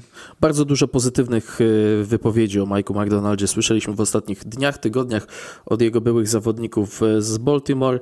Swoją drogą e, w Baltimore zastępują go jeszcze młodszym człowiekiem, Zach Orr, który ma 31 lat, będzie defensywnym koordynatorem Baltimore Ravens. Ja byłem w szoku, bo ja pamiętam Zacha Orra jako zawodnika. On trochę przedwcześnie musiał zakończyć, nawet bardzo przedwcześnie musiał zakończyć karierę, a ona się fajnie tam rozwijała. Z tego co pamiętam, to był chyba w Pro Bowl albo w drugiej drużynie All Pro i po tym sezonie musiał zakończyć karierę. Chyba ze 3 albo 4 lata spędził jako linebacker w NFL Zach Orr, ale właśnie idą w młodość dalej w Baltimore, idą w młodość w Seattle. Mm, cały czas ta niby ścieżka wydeptana przez Pita Carola, ale biorą e, człowieka, który tak jak wspomniałem ma 36 lat, więc jest dwa razy młodszy od Pita Carola i z miejsca zostaje najmłodszym trenerem w lidze. Mieli najstarszego, będą mieli najmłodszego w Seattle Seahawks. Atlanta Falcons, kolejne zatrudnienie trenera głównego. Rahim Morris obejmuje Atlanta Falcons, który już, co ciekawe, był trenerem tymczasowym Falcons po zwolnieniu Dana Quina. E, Morris pracował i w ataku, i w obronie. Ostatnio był świetny w roli defensywnego koordynatora Los Angeles Rams, ale to jest też za, e, zawodnik. Trener, który ma doświadczenie w roli head coacha. On trenerem głównym Tampa Bay Buccaneers z, został już w sezonie 2009 i wskoczył na głęboką wodę mając 33 lata i wtedy był właśnie najmłodszym zatrudnionym trenerem w lidze ten jego bilans był mocno w kratkę. Było 3-13 w pierwszym sezonie, później 10-7, 10-6 e, w drugim, gdzie ta drużyna się mocno rozpędziła, ale później końcówkę sezonu miała bardzo słabą. No i koniec. E, tej przygody wyznaczył bilans 4-12. Później jako trener tymczasowy w Falcons miał bilans 4-7, ale właśnie mówiliśmy o tym w przypadku Billa Belicika, że tutaj niby Falcons byli faworytem, że już tam się witali z gąską, że dwa razy był Belicik na rozmowach, ale im dłużej mija od zatrudnienia Rahima Morisa, tym więcej słyszymy, że on był trochę wręcz takim faworytem od samego początku i że e, Arthur Blank bardzo chciał Belicika, ale też ceni Rahima Morisa i właśnie ta jego świta, ci ludzie naokoło w organizacji Falcons bardzo e, optowali za Rahimem Morrisem, no i jakby nie patrzeć, wraca do tej drużyny Rahim Morris. E, moją pierwszą reakcją mimo wszystko było tutaj zaskoczenie, kiedy ten news na nas spadł. Tak. E, dla mnie też myślę, że głównie dlatego, że co prawda już wtedy spodziewałem się, że Bill Belichick nie będzie trenerem Falcons, bo ta sprawa mocno ucichła i zaczęły się pojawiać informacje, że te negocjacje stanęły w martwym punkcie. No ale spodziewałem się, że to raczej będzie właśnie Bobby Slowik, że on był te ponoć, z kolei informacje się pojawiały, że on strasznie zaimponował Falcons w, w, rozmow w rozmowach kwalifikacyjnych. Było ich, ich, ich, ich aż trzy i wydawało się, że jeśli nie, jeśli nie Belichick, to pójdą właśnie w kierunku tego ofensywnego e, umysłu. Trochę znikąd ten Morris faktycznie, ale y, to bardzo ciekawa historia, bardzo przyjemna historia, bo on naprawdę przez te kilkanaście lat walczył o, o powrót na to miejsce. Mam wrażenie, że w Rams e, wszyscy byli w ogóle zachwyceni i to jak, to jak się cała liga, bo to z różnych miejsc wypowiedzi, to jak cała liga się zapatruje na to, że Morris dostaje drugą szansę, nie spotkałem się z czymś takim. W sensie nigdy nie widziałem, żeby ktoś tak żeby liga, sztab, jacyś inni trenerzy raz, że zabiegali o to, że żeby ktoś dostał drugą szansę, a potem tak pozytywnie oceniali, że ktoś ją dostaje. Chyba nawet Mike'a Tomlina w trakcie sezonu ktoś zapytał o Rahima Morisa, e, całkowicie znikąd, i Mike Tomlin powiedział, pff, no pewien gość powinien dostać drugą szansę z 5 lat temu. To jest, nawet nie ma takiej opcji. To, to jest samo przy, takie pytania były do Tomlina, do Shanahana, do McVeya oczywiście, bo był jego koordynatorem, Rahim Morris, ale to swoją drogą tutaj McVeigh też referencje dał najlepsze, jakie mógł. Powiedział, że to też oczywiście, to już aż za długo czeka ten Morris na, na tę drugą szansę. To jest w ogóle off-season drugich szans, bo mówiliśmy o Queenie chociażby. E, jest też, e, jest też Morris jako ten, jako ten head coach po raz, po raz drugi. O Jim Harbaugh, czyli w sumie trzech z ośmiu. trzy, trzech z ośmiu powraca. Często mówiliśmy o tym, że, e, że te powroty różnie się kończą i zazwyczaj się nie chce do nich, e, się, się nie chce do tego podchodzić, tak z takim dystansem się do tego podchodzi. Jestem bardzo ciekaw tego, jaką sobie kulturę jaką sobie kulturę wybuduje w tych Falcons Morris i jaką widzimy, że już pod względem sztabu będzie nieźle, bo faktycznie Zach Robinson, który był rozchwytywany na prawie wszystkie pozycje ofensywnego koordynatora w lidze, wybrał właśnie Falcons ze względu na Morrisa. Myślę, że to też był jeden z powodów, dla którego Falcons poszli w tym kierunku, jeśli zobaczyli, że Rahim Morris przychodzi na rozmowę kwalifikacyjną z listą trenerów i mówi, o patrzcie, tu ofensywny koordynator to będzie ten, którego wszyscy chcą, a ja już mam go zaklepanego. Y, to też mógł, to też mógł, być, pom- to też mógł być e, pomysł. I na pewno nie będzie to łatwe zadanie w Falcons, ale myślę, szczególnie, że widziałem, że no też nie dostaje na start zbyt dużego e, kredytu zaufania od fanów, bo fani właśnie się nastawiali Belicik albo młoda opcja ofensywna i nie dostali ani jednego, ani drugiego i widać, że ten Morris im trochę przynajmniej na razie przeszkadza, ale to będzie miał, będzie miał trochę Morris z pracy, żeby, żeby pokazać, że jest właściwym człowiekiem na właściwym miejscu, szczególnie, że raz są znaki zapytania z tym związane, a dwa, że, są, że są znaki zapytania przy, jak zawsze przy kolejnym zatrudnieniu tego samego trenera. No i przy rozgrywającym Falcons są znaki zapytania. Jeśli chodzi o te nastroje kibicowskie, tutaj wielokrotnie pojawia się to nazwisko. Znów pozdrawiamy Piotr Kaberę. To jest mój barometr fanów Falcons. On jest zadowolony, więc e, wręcz e, mam wrażenie, że Piotrek mnie poprawi, jeśli tego słucha i, i będziemy ze sobą pisać, że chyba nawet wolał go od Billa Belicika. Takie odniosłem wrażenie z tego, co rozmawialiśmy, ale faktycznie Rahim Morris to lobbowanie miał bardzo mocne za plecami. Pamiętam, że kiedy Vikings szukali trenera i okazało się, że Jim Harbaugh wtedy zostanie na uczelni, to zostały dwie opcje. Defensywny koordynator Rams i ofensywny koordynator Rams, czyli Morris i Kevin O'Connell. Ostatecznie wtedy wybrali Kevina O'Connella, ale Morris był na tej karuzeli nazwisk od pewnego, od pewnego czasu, no i zebrał mnóstwo doświadczenia. Od czasu, kiedy został zwolniony, e, kiedy miał 35-36 lat, no to naprawdę minęło mnóstwo, mnóstwo czasu. To jest 76 rocznik, więc to też nie jest taki trener e, właśnie jak Mike McDonald, który jest 30-parolatkiem, e, tylko już człowiek E, który zbliża się do 50, który dużo już w NFL widział.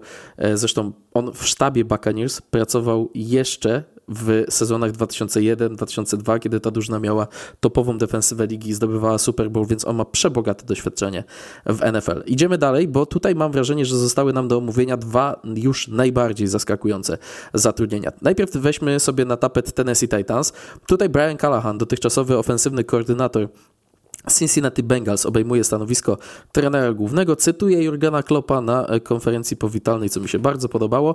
I też to, co mi się podoba, zatrudnia swojego ojca, Billa Callahana, w roli trenera linii ofensywnej. To jest prawdopodobnie najlepszy trener linii ofensywnej w całej lidze. On do tej pory pracował w Cleveland Browns. Pierwszy raz w historii NFL to syn zatrudnia ojca, a nie odwrotnie. Taka ciekawostka.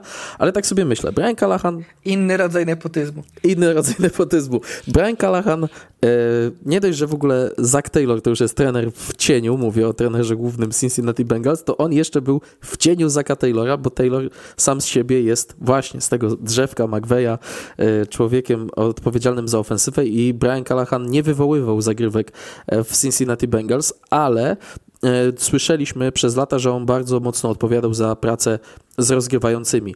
Czyżby to, co przez krótki czas pokazywał nam Jake Browning w tym sezonie w Cincinnati Bengals, to był bilet Briana Callahana do roli trenera głównego?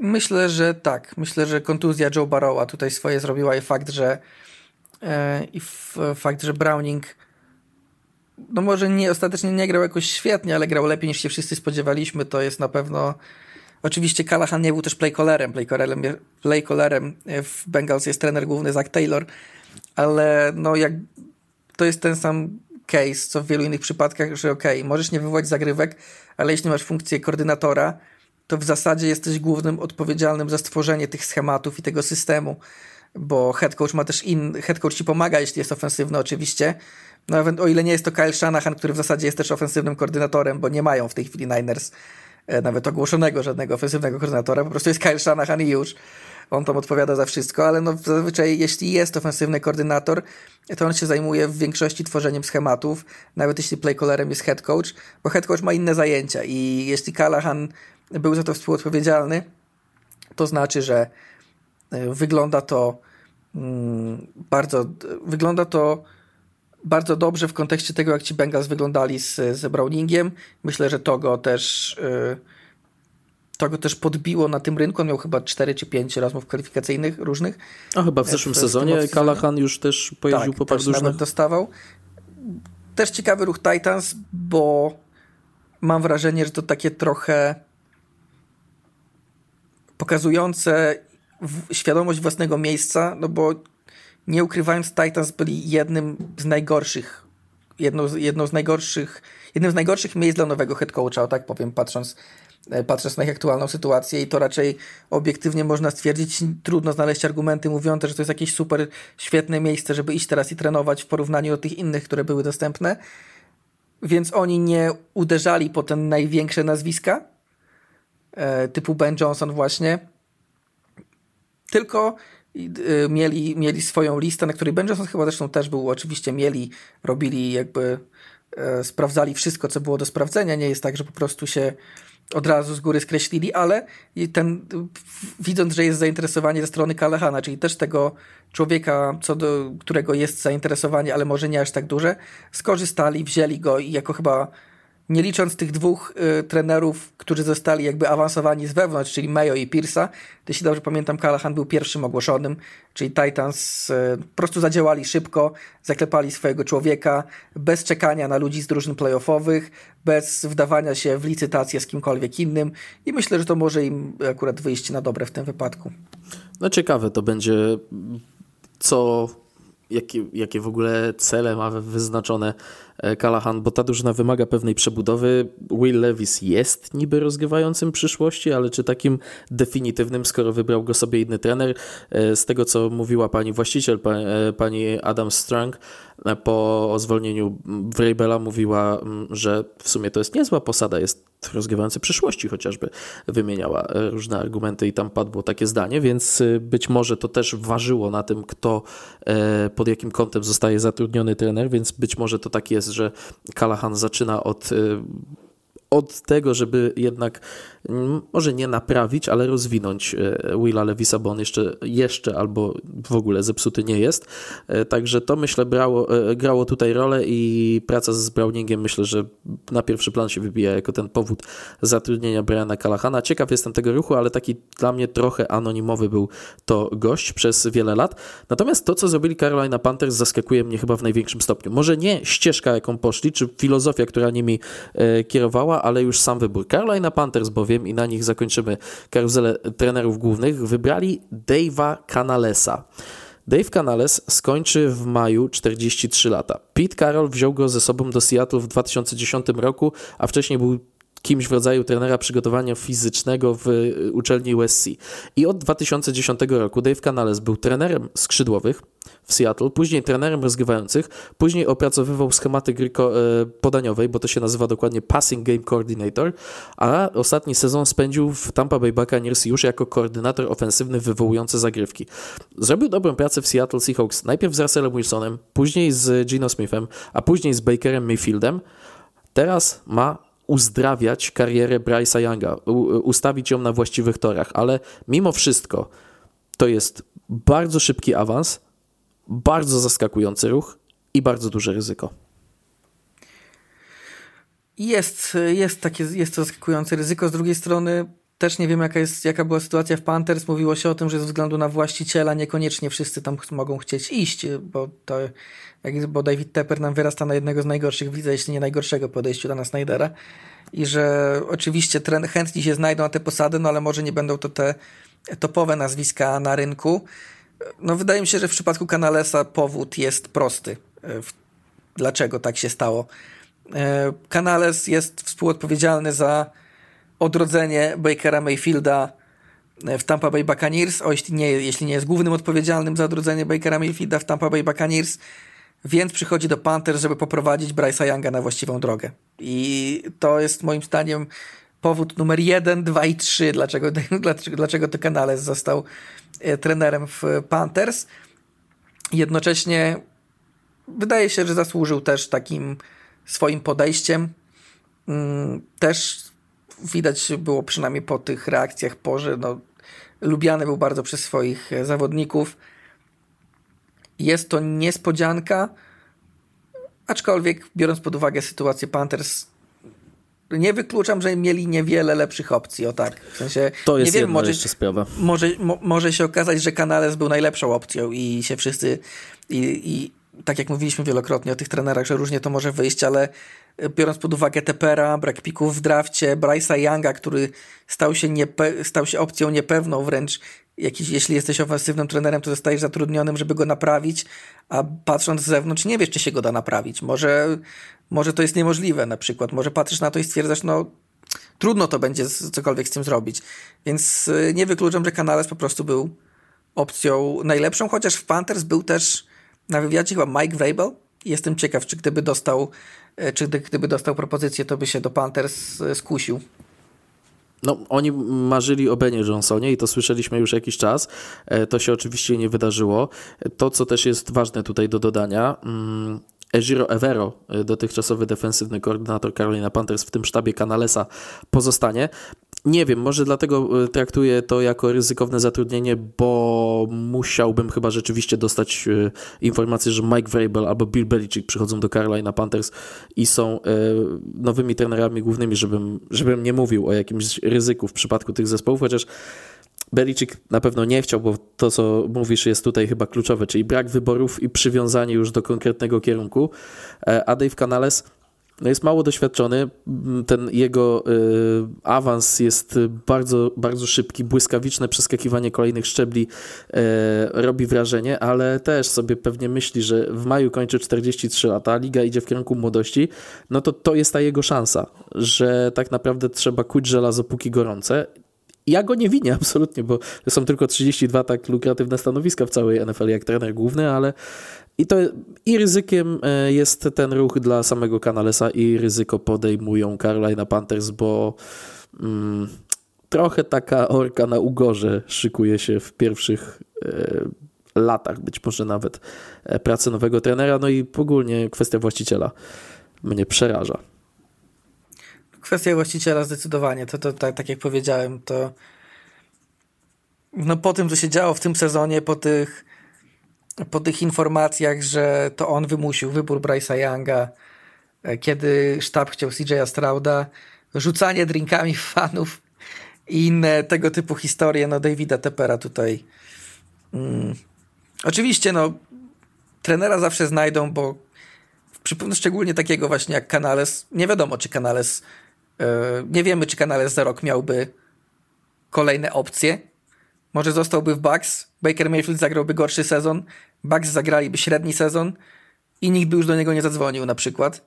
Więc on kuje żelazo póki gorące i korzysta z oferty póki ją ma.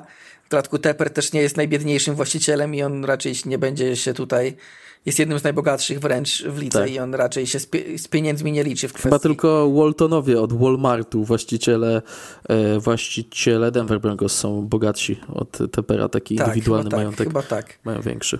Więc y, on się nie liczy, za, nie liczy się z pieniędzmi, jeśli chodzi o zatrudnianie sztabu, który nie liczy się e, do cap space'u.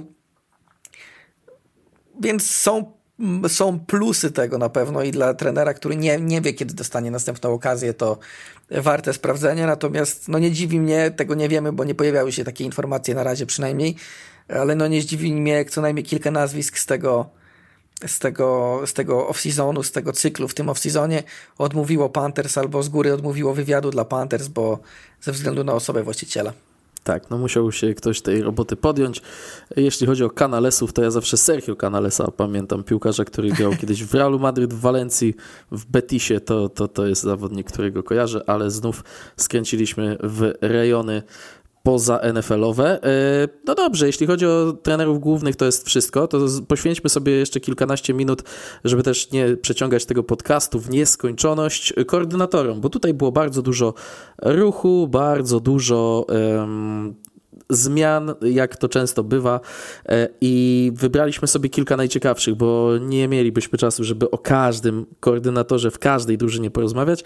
E, no to Kuba, konkretnie, e, przejdźmy sobie przez te najważniejsze rzeczy. Eagles i to jest podstawa. Eagles zmieniają obydwu koordynatorów. Vic Fangio będzie zajmował się obroną, Kellen Moore będzie zajmował się atakiem. Nick Siriani utrzymał posadę. Trochę pachnie mi to nie powtórzeniem, chociaż do pewnego stopnia powtórzeniem historii Daga Petersona, bo słyszeliśmy, że jak Doug Peterson był kiedyś zwalniany parę lat temu, to dostał takie ultimatum, chłopie, zmieniaj sztab, daj sobie zatrudnić innych koordynatorów, e, bo ta drużyna wymaga ratunku. Doug Peterson powiedział, nie, będą pracować moi koledzy, no to Jeffrey Lurie powiedział, to jak będą pracować koledzy, to ty pracował nie będziesz. Nick Siriani pozwolił sobie w sztabie pozmieniać, trochę tak moim zdaniem to wygląda, że tutaj prikaz z góry poszedł od generalnego menedżera Howiego Rosemana i właściciela Jeffrey'a Luriego, otoczony zostaje Nick Siriani trochę większym doświadczeniem, przede wszystkim w osobie Vika Fangio, który był doradcą już Eagles w przeszłości e, i do tej pory w zeszłym sezonie pracował w Miami Dolphins jako koordynator. Kellen Moore po nieudanym sezonie w Los Angeles Chargers tymczasem wraca do dywizji NFC East. Jak oceniasz te ruchy, czego się spodziewasz? Znaczy, no to jest... Yy... Przede wszystkim to jest ostatnia szansa dla Nika Sireniego. Jeśli, to jest tak jak mówi, mówiłem, mówiłem to już w którymś poprzednim podcaście, że jeśli, jeśli zostaje head coach, a wymienieni zostają koordynatorzy, no to to jest ostatnie ostrzeżenie. Do, dostajesz szansę na nowo zatrudnienia koordynatorów, ale jeśli to ci nie wyjdzie, to lecisz i ty. I to jest bardzo częsty, bardzo częsty przypadek. Mm. Koordynatorzy no, podobają mi się na pewno bardziej niż ci, którzy byli wcześniej, bo Kellen Moore to ciekawe nazwisko, on, on był uznawany za spory, spory talent trenerski, trochę to się wygasiło pod koniec jego pobytu w Cowboys. Chargers wyglądali z nim lepiej niż z Lombardim, ale to też nie było jakieś super, super połączenie ostatecznie. No myślę, że mimo wszystko będzie lepszy dla, dla Eagles niż, niż Brian Johnson. No a Vic Fangio to Vic Fangio wiemy, wie, wiemy że mm, Nasz Dolphins odszedł, bo wiele rzeczy mu się nie podobało, jemu się nie podobało. On nie został zwolniony. Nie został zwolniony z Dolphins, wiele rzeczy mu się nie podobało i postanowił odejść, że tak powiem, na własnych warunkach, iść do Eagles, których zresztą był już konsultantem e, w playoffach, e, w tych playoffach, w których doszli do Super Bowl. E, jeśli chodzi o koordynatorów obu, wydaje mi się, że w obu przypadkach to jest upgrade i dla Eagles i dla fanów Eagles to jest Naprawdę bardzo, bardzo, bardzo dobra informacja. Szczególnie w obronie, która była całkowicie rozsypana. E, a Fangio no, jest takim człowiekiem, który co prawda tego, tego obrona w Dolphins nie była aż tak dobra, jak się spodziewałem, że będzie. Chociaż trochę mam wrażenie, że tu kontuzje swoje zrobiły. Ale ale myślę, że mimo wszystko dla, dla Cowboy, dla Eagles, znaczy no, trudno zrobić downgrade, że tak powiem, patrząc na to, co się działo w Eagles. Słaby sezon Desaiego, a potem zastąpienie go Matem Patricio. No naprawdę nie wiem, nie, trudno mi sobie w tej chwili wyobrazić kandydata, którym Eagles którego Eagles mogliby zatrudnić, a ja bym powiedział, no będzie gorzej. Nie, raczej musieliby chyba, nie wiem, zrobić to, co zrobili z Patricią Patriots i zatrudnić jakiegoś ofensywnego kandydata na defensywne stanowisko. I to wtedy bym może powiedział, że no to nie, to nie wypali. A tak no, to wszystko jest lepsze od Mata Patrici. No to idąc tym tropem, y, w cyk, z cyklu gorzej być nie może. Jeff Hafley, y, dotychczas trener główny uczelni Boston College, zostaje nowym defensywnym koordynatorem Green Bay Packers. Joe Barry został zwolniony ku uciesze fanów, ale psioczenie fanów Packers na defensywnego koordynatora to jest tradycja sięgająca co najmniej do Capersa kilka czy już kilkanaście lat. Będzie dobrze po tej zmianie, jak y, tutaj widzisz przyszłość defensywy no Packers. Tak, to jest jak masz świetnego rozgrywającego, no to szukasz winy zazwyczaj po drugiej stronie e, boiska. Myślę, że będzie lepiej. To jest w ogóle ciekawy przypadek, bo coraz więcej pojawia się informacji, że ze względu na to, jak trudna robi się dla trenerów praca w koledżu, że coraz więcej będzie starało się przeskoczyć do NFL. To mamy jeden, jeden z przykładów e, tego. Trudna ze względu na NIL, czyli na, na zawodników, na połączenie NIL, czyli tych pieniędzy, które mogą zawodnicy zarabiać na uczelni, a jednocześnie tego, że zostały zniesione wszelkie reguły dotyczące zmieniania uczelni w trakcie, w trakcie pobytu. Tutaj można w zasadzie to robić na pstryknięcie palcem. Mm, I widziałem takie opinie, że to sprawia, że trenerzy no nie tyle są jakby przeciwni temu systemowi, ale ten system wymaga od nich znacznie więcej, bo nie tylko musisz się skupić na rekrutowaniu danego zawodnika do, na uczelnię, jeśli jest też jakimś topowym e, prospektem, to musisz się skupić na tym, żeby załatwić mu pieniądze z NIL, a potem nie tyle, że go zrekrutujesz i on już z tobą zostanie, tylko cały czas musisz go urabiać i być z nim na dobrych warunkach, żeby on czasem po tym sezonie nie odszedł gdzie indziej. I że to się robi męczące dla trenerów, że czasem w dodatku ponoć w ostatnim czasie e, widziałem takie, takie pogłoski, czy słyszałem takie pogłoski, że płace koordynatorów NFL idą w górę.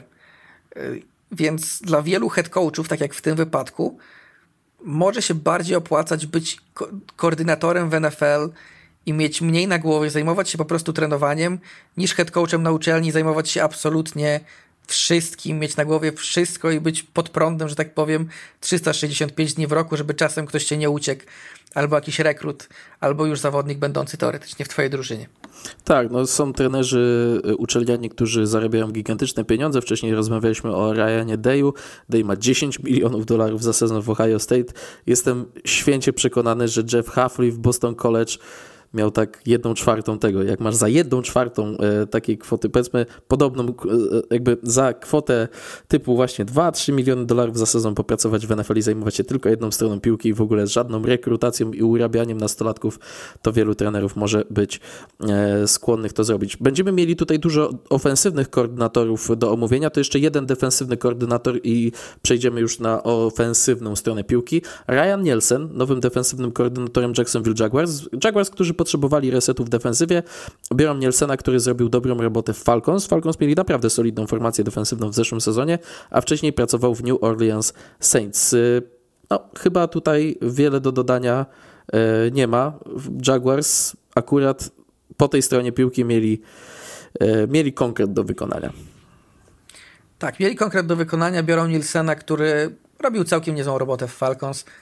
Jedyne dlaczego odchodzi, no to dlatego, że cały sztab się zmienia, więc i on odchodzi. E, tak, gdyby sztab się nie zmieniał, to nikt by go nie chciał zwalniać. Nie, na pewno nie. Na pewno gdyby został Arthur Smith, to Nilsena by nikt nie ruszył, nawet by o tym nie pomyślał. Dlatego to jest całkiem dobre zatrudnienie dla, dla Jaguars. I to jest to też trochę, o czym mówiłeś w przypadku Daga Petersona, że jednym z powodów, dla którego not Eagles było to, że koniecznie chciał, żeby został Press Taylor. Aktualnie Press Taylor jest jego ofensywnym koordynatorem w Jaguars i też niektórzy sugerowali, że może czas się pożegnać, ale Doug Peterson nawet nie chce o tym słyszeć.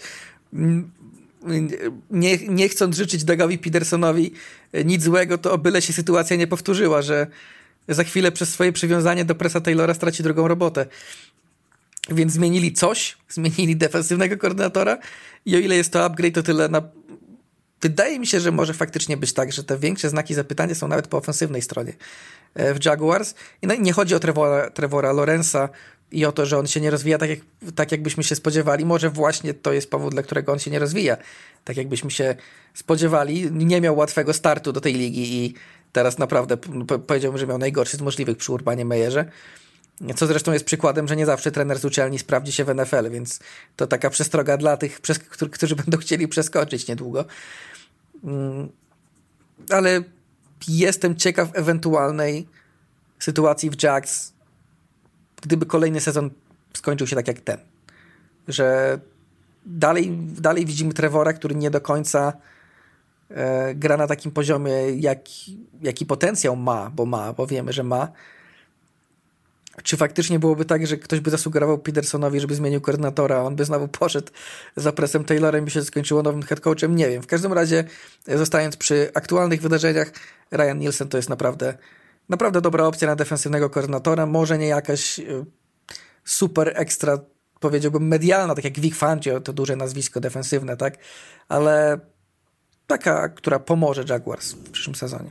Padło nazwisko Artura Smitha. Ten człowiek po tym, jak przestał być trenerem głównym Atlanta Falcons, ląduje w roli ofensywnego koordynatora Pittsburgh Steelers. W Titans jako ofensywny koordynator robił dobrą robotę z drużyną mocno wtedy zależną od Derricka Henry'ego.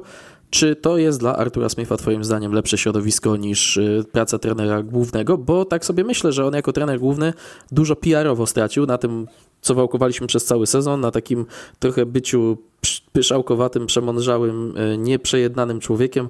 Ofensywny koordynator nie musi e, chodzić na konferencje prasowe. No właśnie, to myślę, że zdecydowanie opcja koordynatora jest dla, dla niego lepsza. Ten ostatni rok w roli head coacha go przygniótł trochę, mam wrażenie, i nie poradził z tym sobie na wielu poziomach sportowym, pozasportowym, każdym. Jako koordynator jestem ciekaw, bo jego ataki potrafiły być dobre. Pytanie, ten, nawet Falcons był dobry jego atak. I to też nie jest tak, że on zawsze e, nie umiał używać swoich najlepszych zawodników, bo w, dwa, w sezonie 2022 bodajże Drake London, który był wtedy świeżo co, e, świeżo co wybrany prawie, że no miał chyba w całej lidze był na trzecim miejscu pod względem procentu targetów swojej drużyny, więc nie jest tak, nie jest, to nie jest ten Arthur Smith, niekoniecznie musi być ten Arthur Smith z tego sezonu, gdzie się śmiejemy, że Bijan Robinson grzeje ławę, a piłki rzucane, rzucane są nie do Kyla Pizza i Drake'a Londona, tylko do Maka Hollinsa i on jest zdziwiony, że mu nie wychodzi, tak? I, John, i, i Kyle Pitts jest używany jako bloker dla Johnu Smitha. No, może tak być, niewykluczone, że tak będzie, skoro skoro tak było i tym razem, ale może być też ta wcześniejsza opcja, że jako koordynator nam się trochę Arthur Smith uspokoi i wróci do, po, do, takiego, do tego, co miał poprzednio, czyli no, do niezłych ataków, bo on naprawdę w Titans, w Titans miał, trzeba przyznać, świetną linię ofensywną i Derricka Henry'ego w absolutnym prime. To też trzeba zauważyć AJ'a Browna, którego dopiero potem zabrano z Titans. Mm, więc y, Steelers może nie mieć tego poziomu talentu, szczególnie biorąc pod uwagę, że nie wiemy, co się wydarzy na rozegraniu. Mm, stawiałbym, że przyjdzie jakiś weteran. Ryan Tannehill do Artura Smitha z powrotem. E, kto wie. Ale no, na pewno trudno mu będzie z e, Kennym Pickettem. Co prawda Kenny Pickett no, ma być tym pierwszorundowym wyborem, który dostanie jeszcze szansę teraz za moment. I może Artur Smith dostanie zadanie, żeby no, zrób coś jeszcze z tym Kenym, bo na razie wygląda to słabo ale niewykluczone, że będzie weteran, który z Pickettem powalczy o, to, o tą rolę numeru jeden na przyszły sezon i Arthur Smith na pewno będzie od niego będzie zależało, jak ten rozgrywający będzie grał. I to jest jego zadaniem, żeby zapewnić przynajmniej dobrą grę na rozegraniu e, w Steelers w przyszłym sezonie, niezależnie od tego, kto będzie te piłki odbierał i kto będzie je rzucał, co jest dość odważnym zadaniem dla kogoś, kto przez cały sezon nie mógł się zdecydować, czy gra Desmond Reader, czy Tyler Heineke i z jednym i z drugim nie wyglądało to zbyt dobrze. No właśnie, to mnie trochę, to mnie trochę przeraża, natomiast e, to też jest taka posada, na której gorzej być nie mogło, bo zastępuje w sumie Mata Kanadę. Matt Kanada w trakcie sezonu został zmieniony w roli ofensywnego koordynatora Steelers, ale Okazuje się, że to była zmiana tylko tymczasowa, no więc za gorzej od Mata Kanady nie wierzę, że będzie pracował Arthur Smith. Jeśli chodzi o innych ofensywnych koordynatorów, Joe Brady był tymczasowym e, ofensywnym koordynatorem Buffalo Bills i pozostaje w tej roli na stałe. Ken Dorsey tymczasem, którego Brady zastępował w trakcie sezonu, zostaje nowym ofensywnym koordynatorem Cleveland Browns, skąd odchodzi Alex Van Pelt. Dorsey właśnie był taką trochę ofiarą sezonu w Bills. Mam wrażenie, że kozłem ofiarnym e, w sztabie Shona McDermotta. Przychodzi teraz pracować z Kevinem Stefańskim, E, sam był rozgrywającym Browns w przeszłości, to jedno z tych nazwisk na tej słynnej koszulce z długaśną listą jak paragon e, poszczególnych nazwisk. E, trzy starty w sezonie 2008 to w ogóle był rozgrywający w przeszłości wybrany w siódmej rundzie draftu, który wypadł z NFL po pięciu sezonach. Krótko na temat tych, tych zatrudnień, co możemy powiedzieć? No myślę, że w przypadku Joe Brady'ego to nic to nie jest zaskoczenie, bo przynajmniej tak optycznie ta ofensywa, ofensywa Bills wyglądała lepiej po tym, jak on przejął, przejął ją w swoje ręce. Co prawda statystycznie wcale jakoś nie różniła się od tej Kena Dorseya, to jest ciekawe swoją drogą, ale no samo to, że optycznie, że odwrócili sezon, że, gra, że walczyli w playoffach i że to w zasadzie w playoffach ich kontuzje w obronie ich przede wszystkim wyrzuciły, a nie atak Rzesza Allena sprawiają, że no raczej nie chcesz tego zmieniać, patrząc z perspektywy Shona McDermotta i Joe Brady to była taka opcja oczywista. Natomiast Ken Dorsey jestem bardzo ciekaw tego, jak on się spisze na własny rachunek. Stał się trochę takim kozłem ofiarnym tego sezonu Bills. Stał się tym, o którym się zaczęło mówić, że no z Brianem Daybolem tu Josh Allen szalał, ale jak przyszedł do Kena Dorseya, no to już y, nie wygląda to tak dobrze i to pewnie wina koordynatora, że nie potrafi go utrzymać w ryzach. Dlatego, co prawda, no przechodząc do Browns, on nie będzie wywoływał zagrywek też, tak? To jest ten sam case co Alexa Van Pelta przychodzącego do Patriot wcześniej. Nie wiemy tak na dobrą sprawę, bo Kevin Stefański będzie wywoływał zagrywki, ale e, no, będzie współodpowiedzialny za tworzenie tego ataku na pewno. I może właśnie w takiej roli, czyli gościa, który współtworzy ataki schematycznie, ma dużą wiedzę, ale nie musi tych zagrywek później przenosić na boisko. Może w takiej roli będzie się spisywał znacznie lepiej i będzie to z korzyścią dla Browns.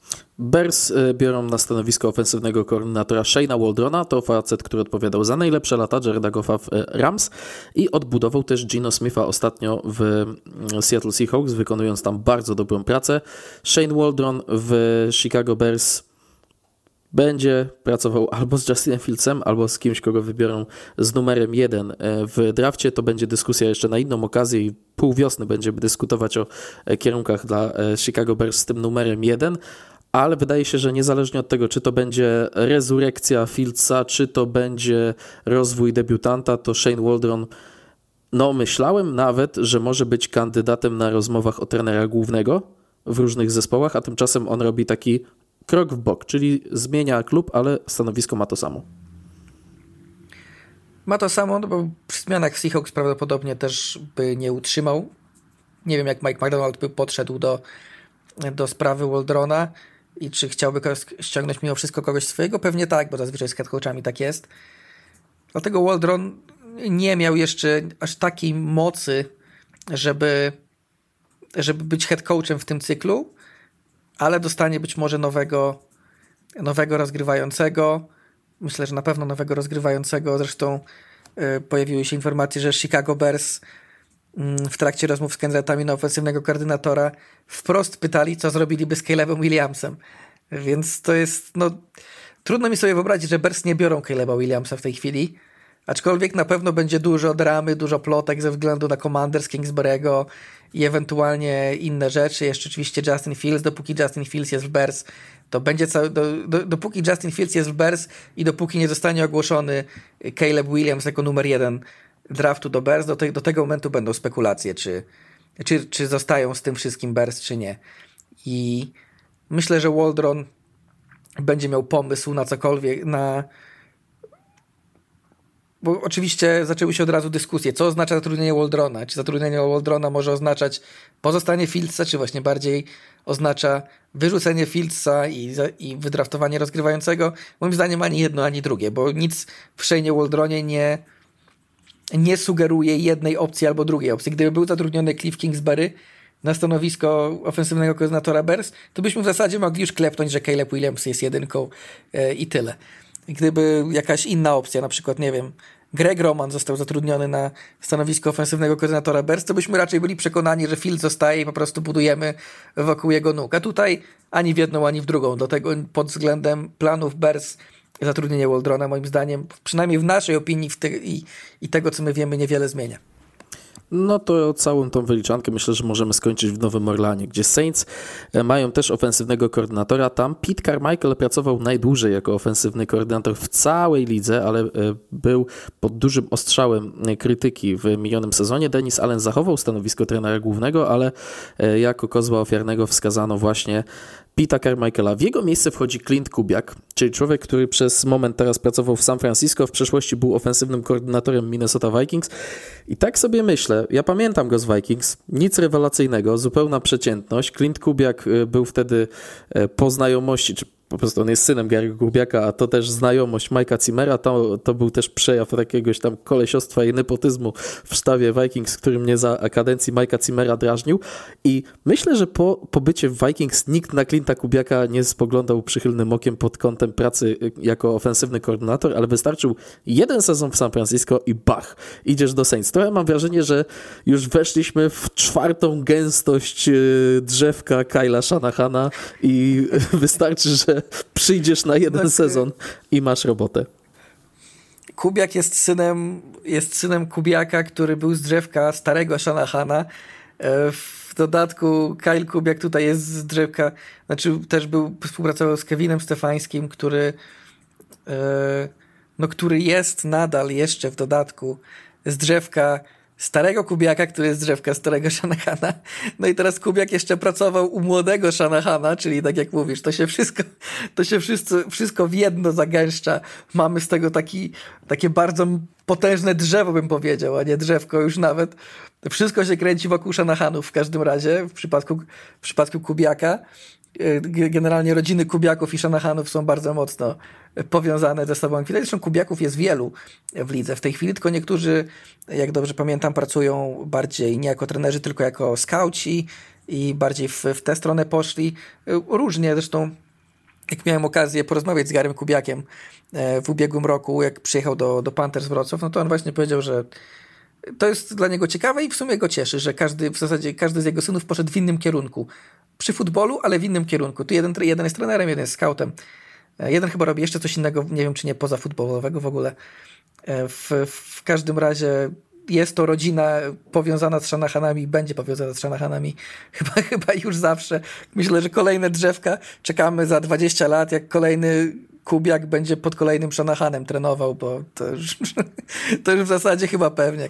Tak, tak. Natomiast w Saints potrzebne było jakieś nowe nazwisko e, na stanowisko ofensywnego koordynatora. Pete Carmichael się po prostu, mówiąc brzydko, zużył przez te wszystkie lata. On jeszcze był człowiekiem Shona Paytona e, przecież, ale to jest też e, ciekawa rzecz, bo on na tym stanowisku koordynatora spędził prawie 20 lat, no ponad gdzieś tak e, przecież Peyton przychodził w sezonie 2006, więc spędził naprawdę kawał czasu Pete Carmichael w całej organizacji z Nowego Orlanu, ale to jest też y, dowód tego, jak bardzo zmienne jest to stanowisko. Gdzieś widziałem, że średnia pracy koordynatora ofensywnego... Pozwól, że ci, mhm. pozwól, że ci, pozwól, że ci przerwę, bo sprawdziłem i nie chcę tutaj y, kubiaków, że tak powiem, okłamać na temat Kubiaków, szczególnie, że wiemy, że mają powiązania z Panthers Wrocław. Jest trzech synów, wszyscy pracują w futbolu. O Klincie mówimy. E, Klein jest scoutem Cowboys w tej chwili. A jest jeszcze Clay, który był rozgrywającym na Colorado State, a teraz jest trenerem asyst asystentem rozgrywających 49ers, czyli jeszcze, jednak dwóch kubiaków tam było. To już mój, mój błąd. Spokojnie. Jeden kubiak zostaje pod Shanahanem nadal. Najpóźniej także... za dwa lata będziemy o nim mówić jako ofensywnym koordynatorze gdzieś tam, ale zmierzam do tego, e, z tego wywodu o Carmichaelu, że to był ewenement, bo średnia długość kadencji e, ofensywnego koordynatora, biorąc pod uwagę wszystkie zmiany, które zaszły teraz w lidze, jest bardzo, bardzo króciutka. Z tego, co widziałem, więcej niż połowa ligi e, dopiero będzie zaczynać tak gdzieś maksymalnie, albo będzie w pierwszym, albo w drugim sezonie stanowisk, e, pracy na stanowisku ofensywnego koordynatora. naprawdę niewielu ludzi wchodzi na tym stanowisku w sezon numer 3 i tak na dobrą sprawę... No 16 zmian mieliśmy w tym roku.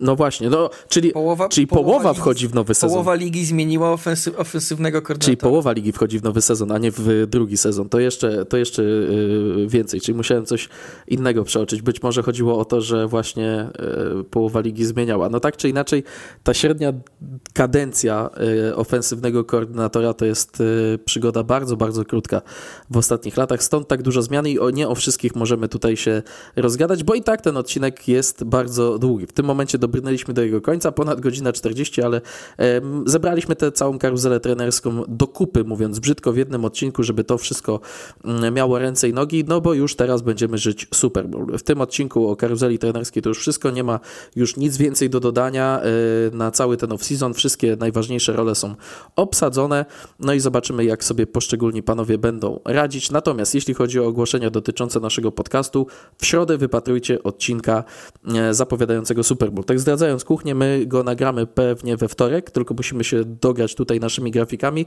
i nastawimy publikację tak, że kiedy wy się obudzicie w środę rano, to ten podcast powinien już na was czekać. Taki jest plan A. Miejmy nadzieję, że on nam wypali. No i cóż, będziemy bardzo wdzięczni za to, jeżeli ten odcinek z zapowiedzią Super Bowl, o co proszę już teraz, żeby był przez was podawany dalej, rozsyłany wśród znajomych, którzy chcą się wkręcić w NFL, bo myślę, że zrobimy z tego solidną pigułę. Plan jest taki na ten odcinek, że porozmawiamy sobie według 10 głównych punktów dyskusyjnych, rzeczy, które trzeba wiedzieć przed tym Super Bowl, rzeczy, na które warto zwracać uwagi, takich. Mm, po prostu 10 e, najciekawszych historii dotyczących Super Bowl sobie omówimy. Będzie tam i coś dla tych, którzy już są w NFL wkręceni, tak jak to zawsze ma miejsce w NFL po godzinach, ale też pewnie będzie to odcinek, który będzie fajnym drogowskazem dla tych, którzy Super Bowl chcą sobie obejrzeć. Także do tego Was zachęcamy, zapraszamy cały czas do wspierania w Patronite na patronite.pl e, ukośnik NFL PG. Tam jest Was ponad setka, a jeśli tam jesteście, to możecie też dołączyć do naszej facebookowej grupy, e, do czego Was bardzo zachęcamy. No i cóż, e, jesteśmy już w tygodniu Super Bowl, za chwilę ruszą te wszystkie konferencje prasowe, to całe dziwactwo Media Days, gdzie e, ludzie są pytani o rzeczy poważne i o rzeczy zupełnie niepoważne w związku z Super Bowl, a my już pochylimy się nad samą merytoryką w następnym odcinku NFL po godzinach. Dziękujemy za to, że dotrwaliście do końca tego podcastu. Kłaniamy się nisko i mówimy jeszcze do usłyszenia w najbliższym czasie. Cześć.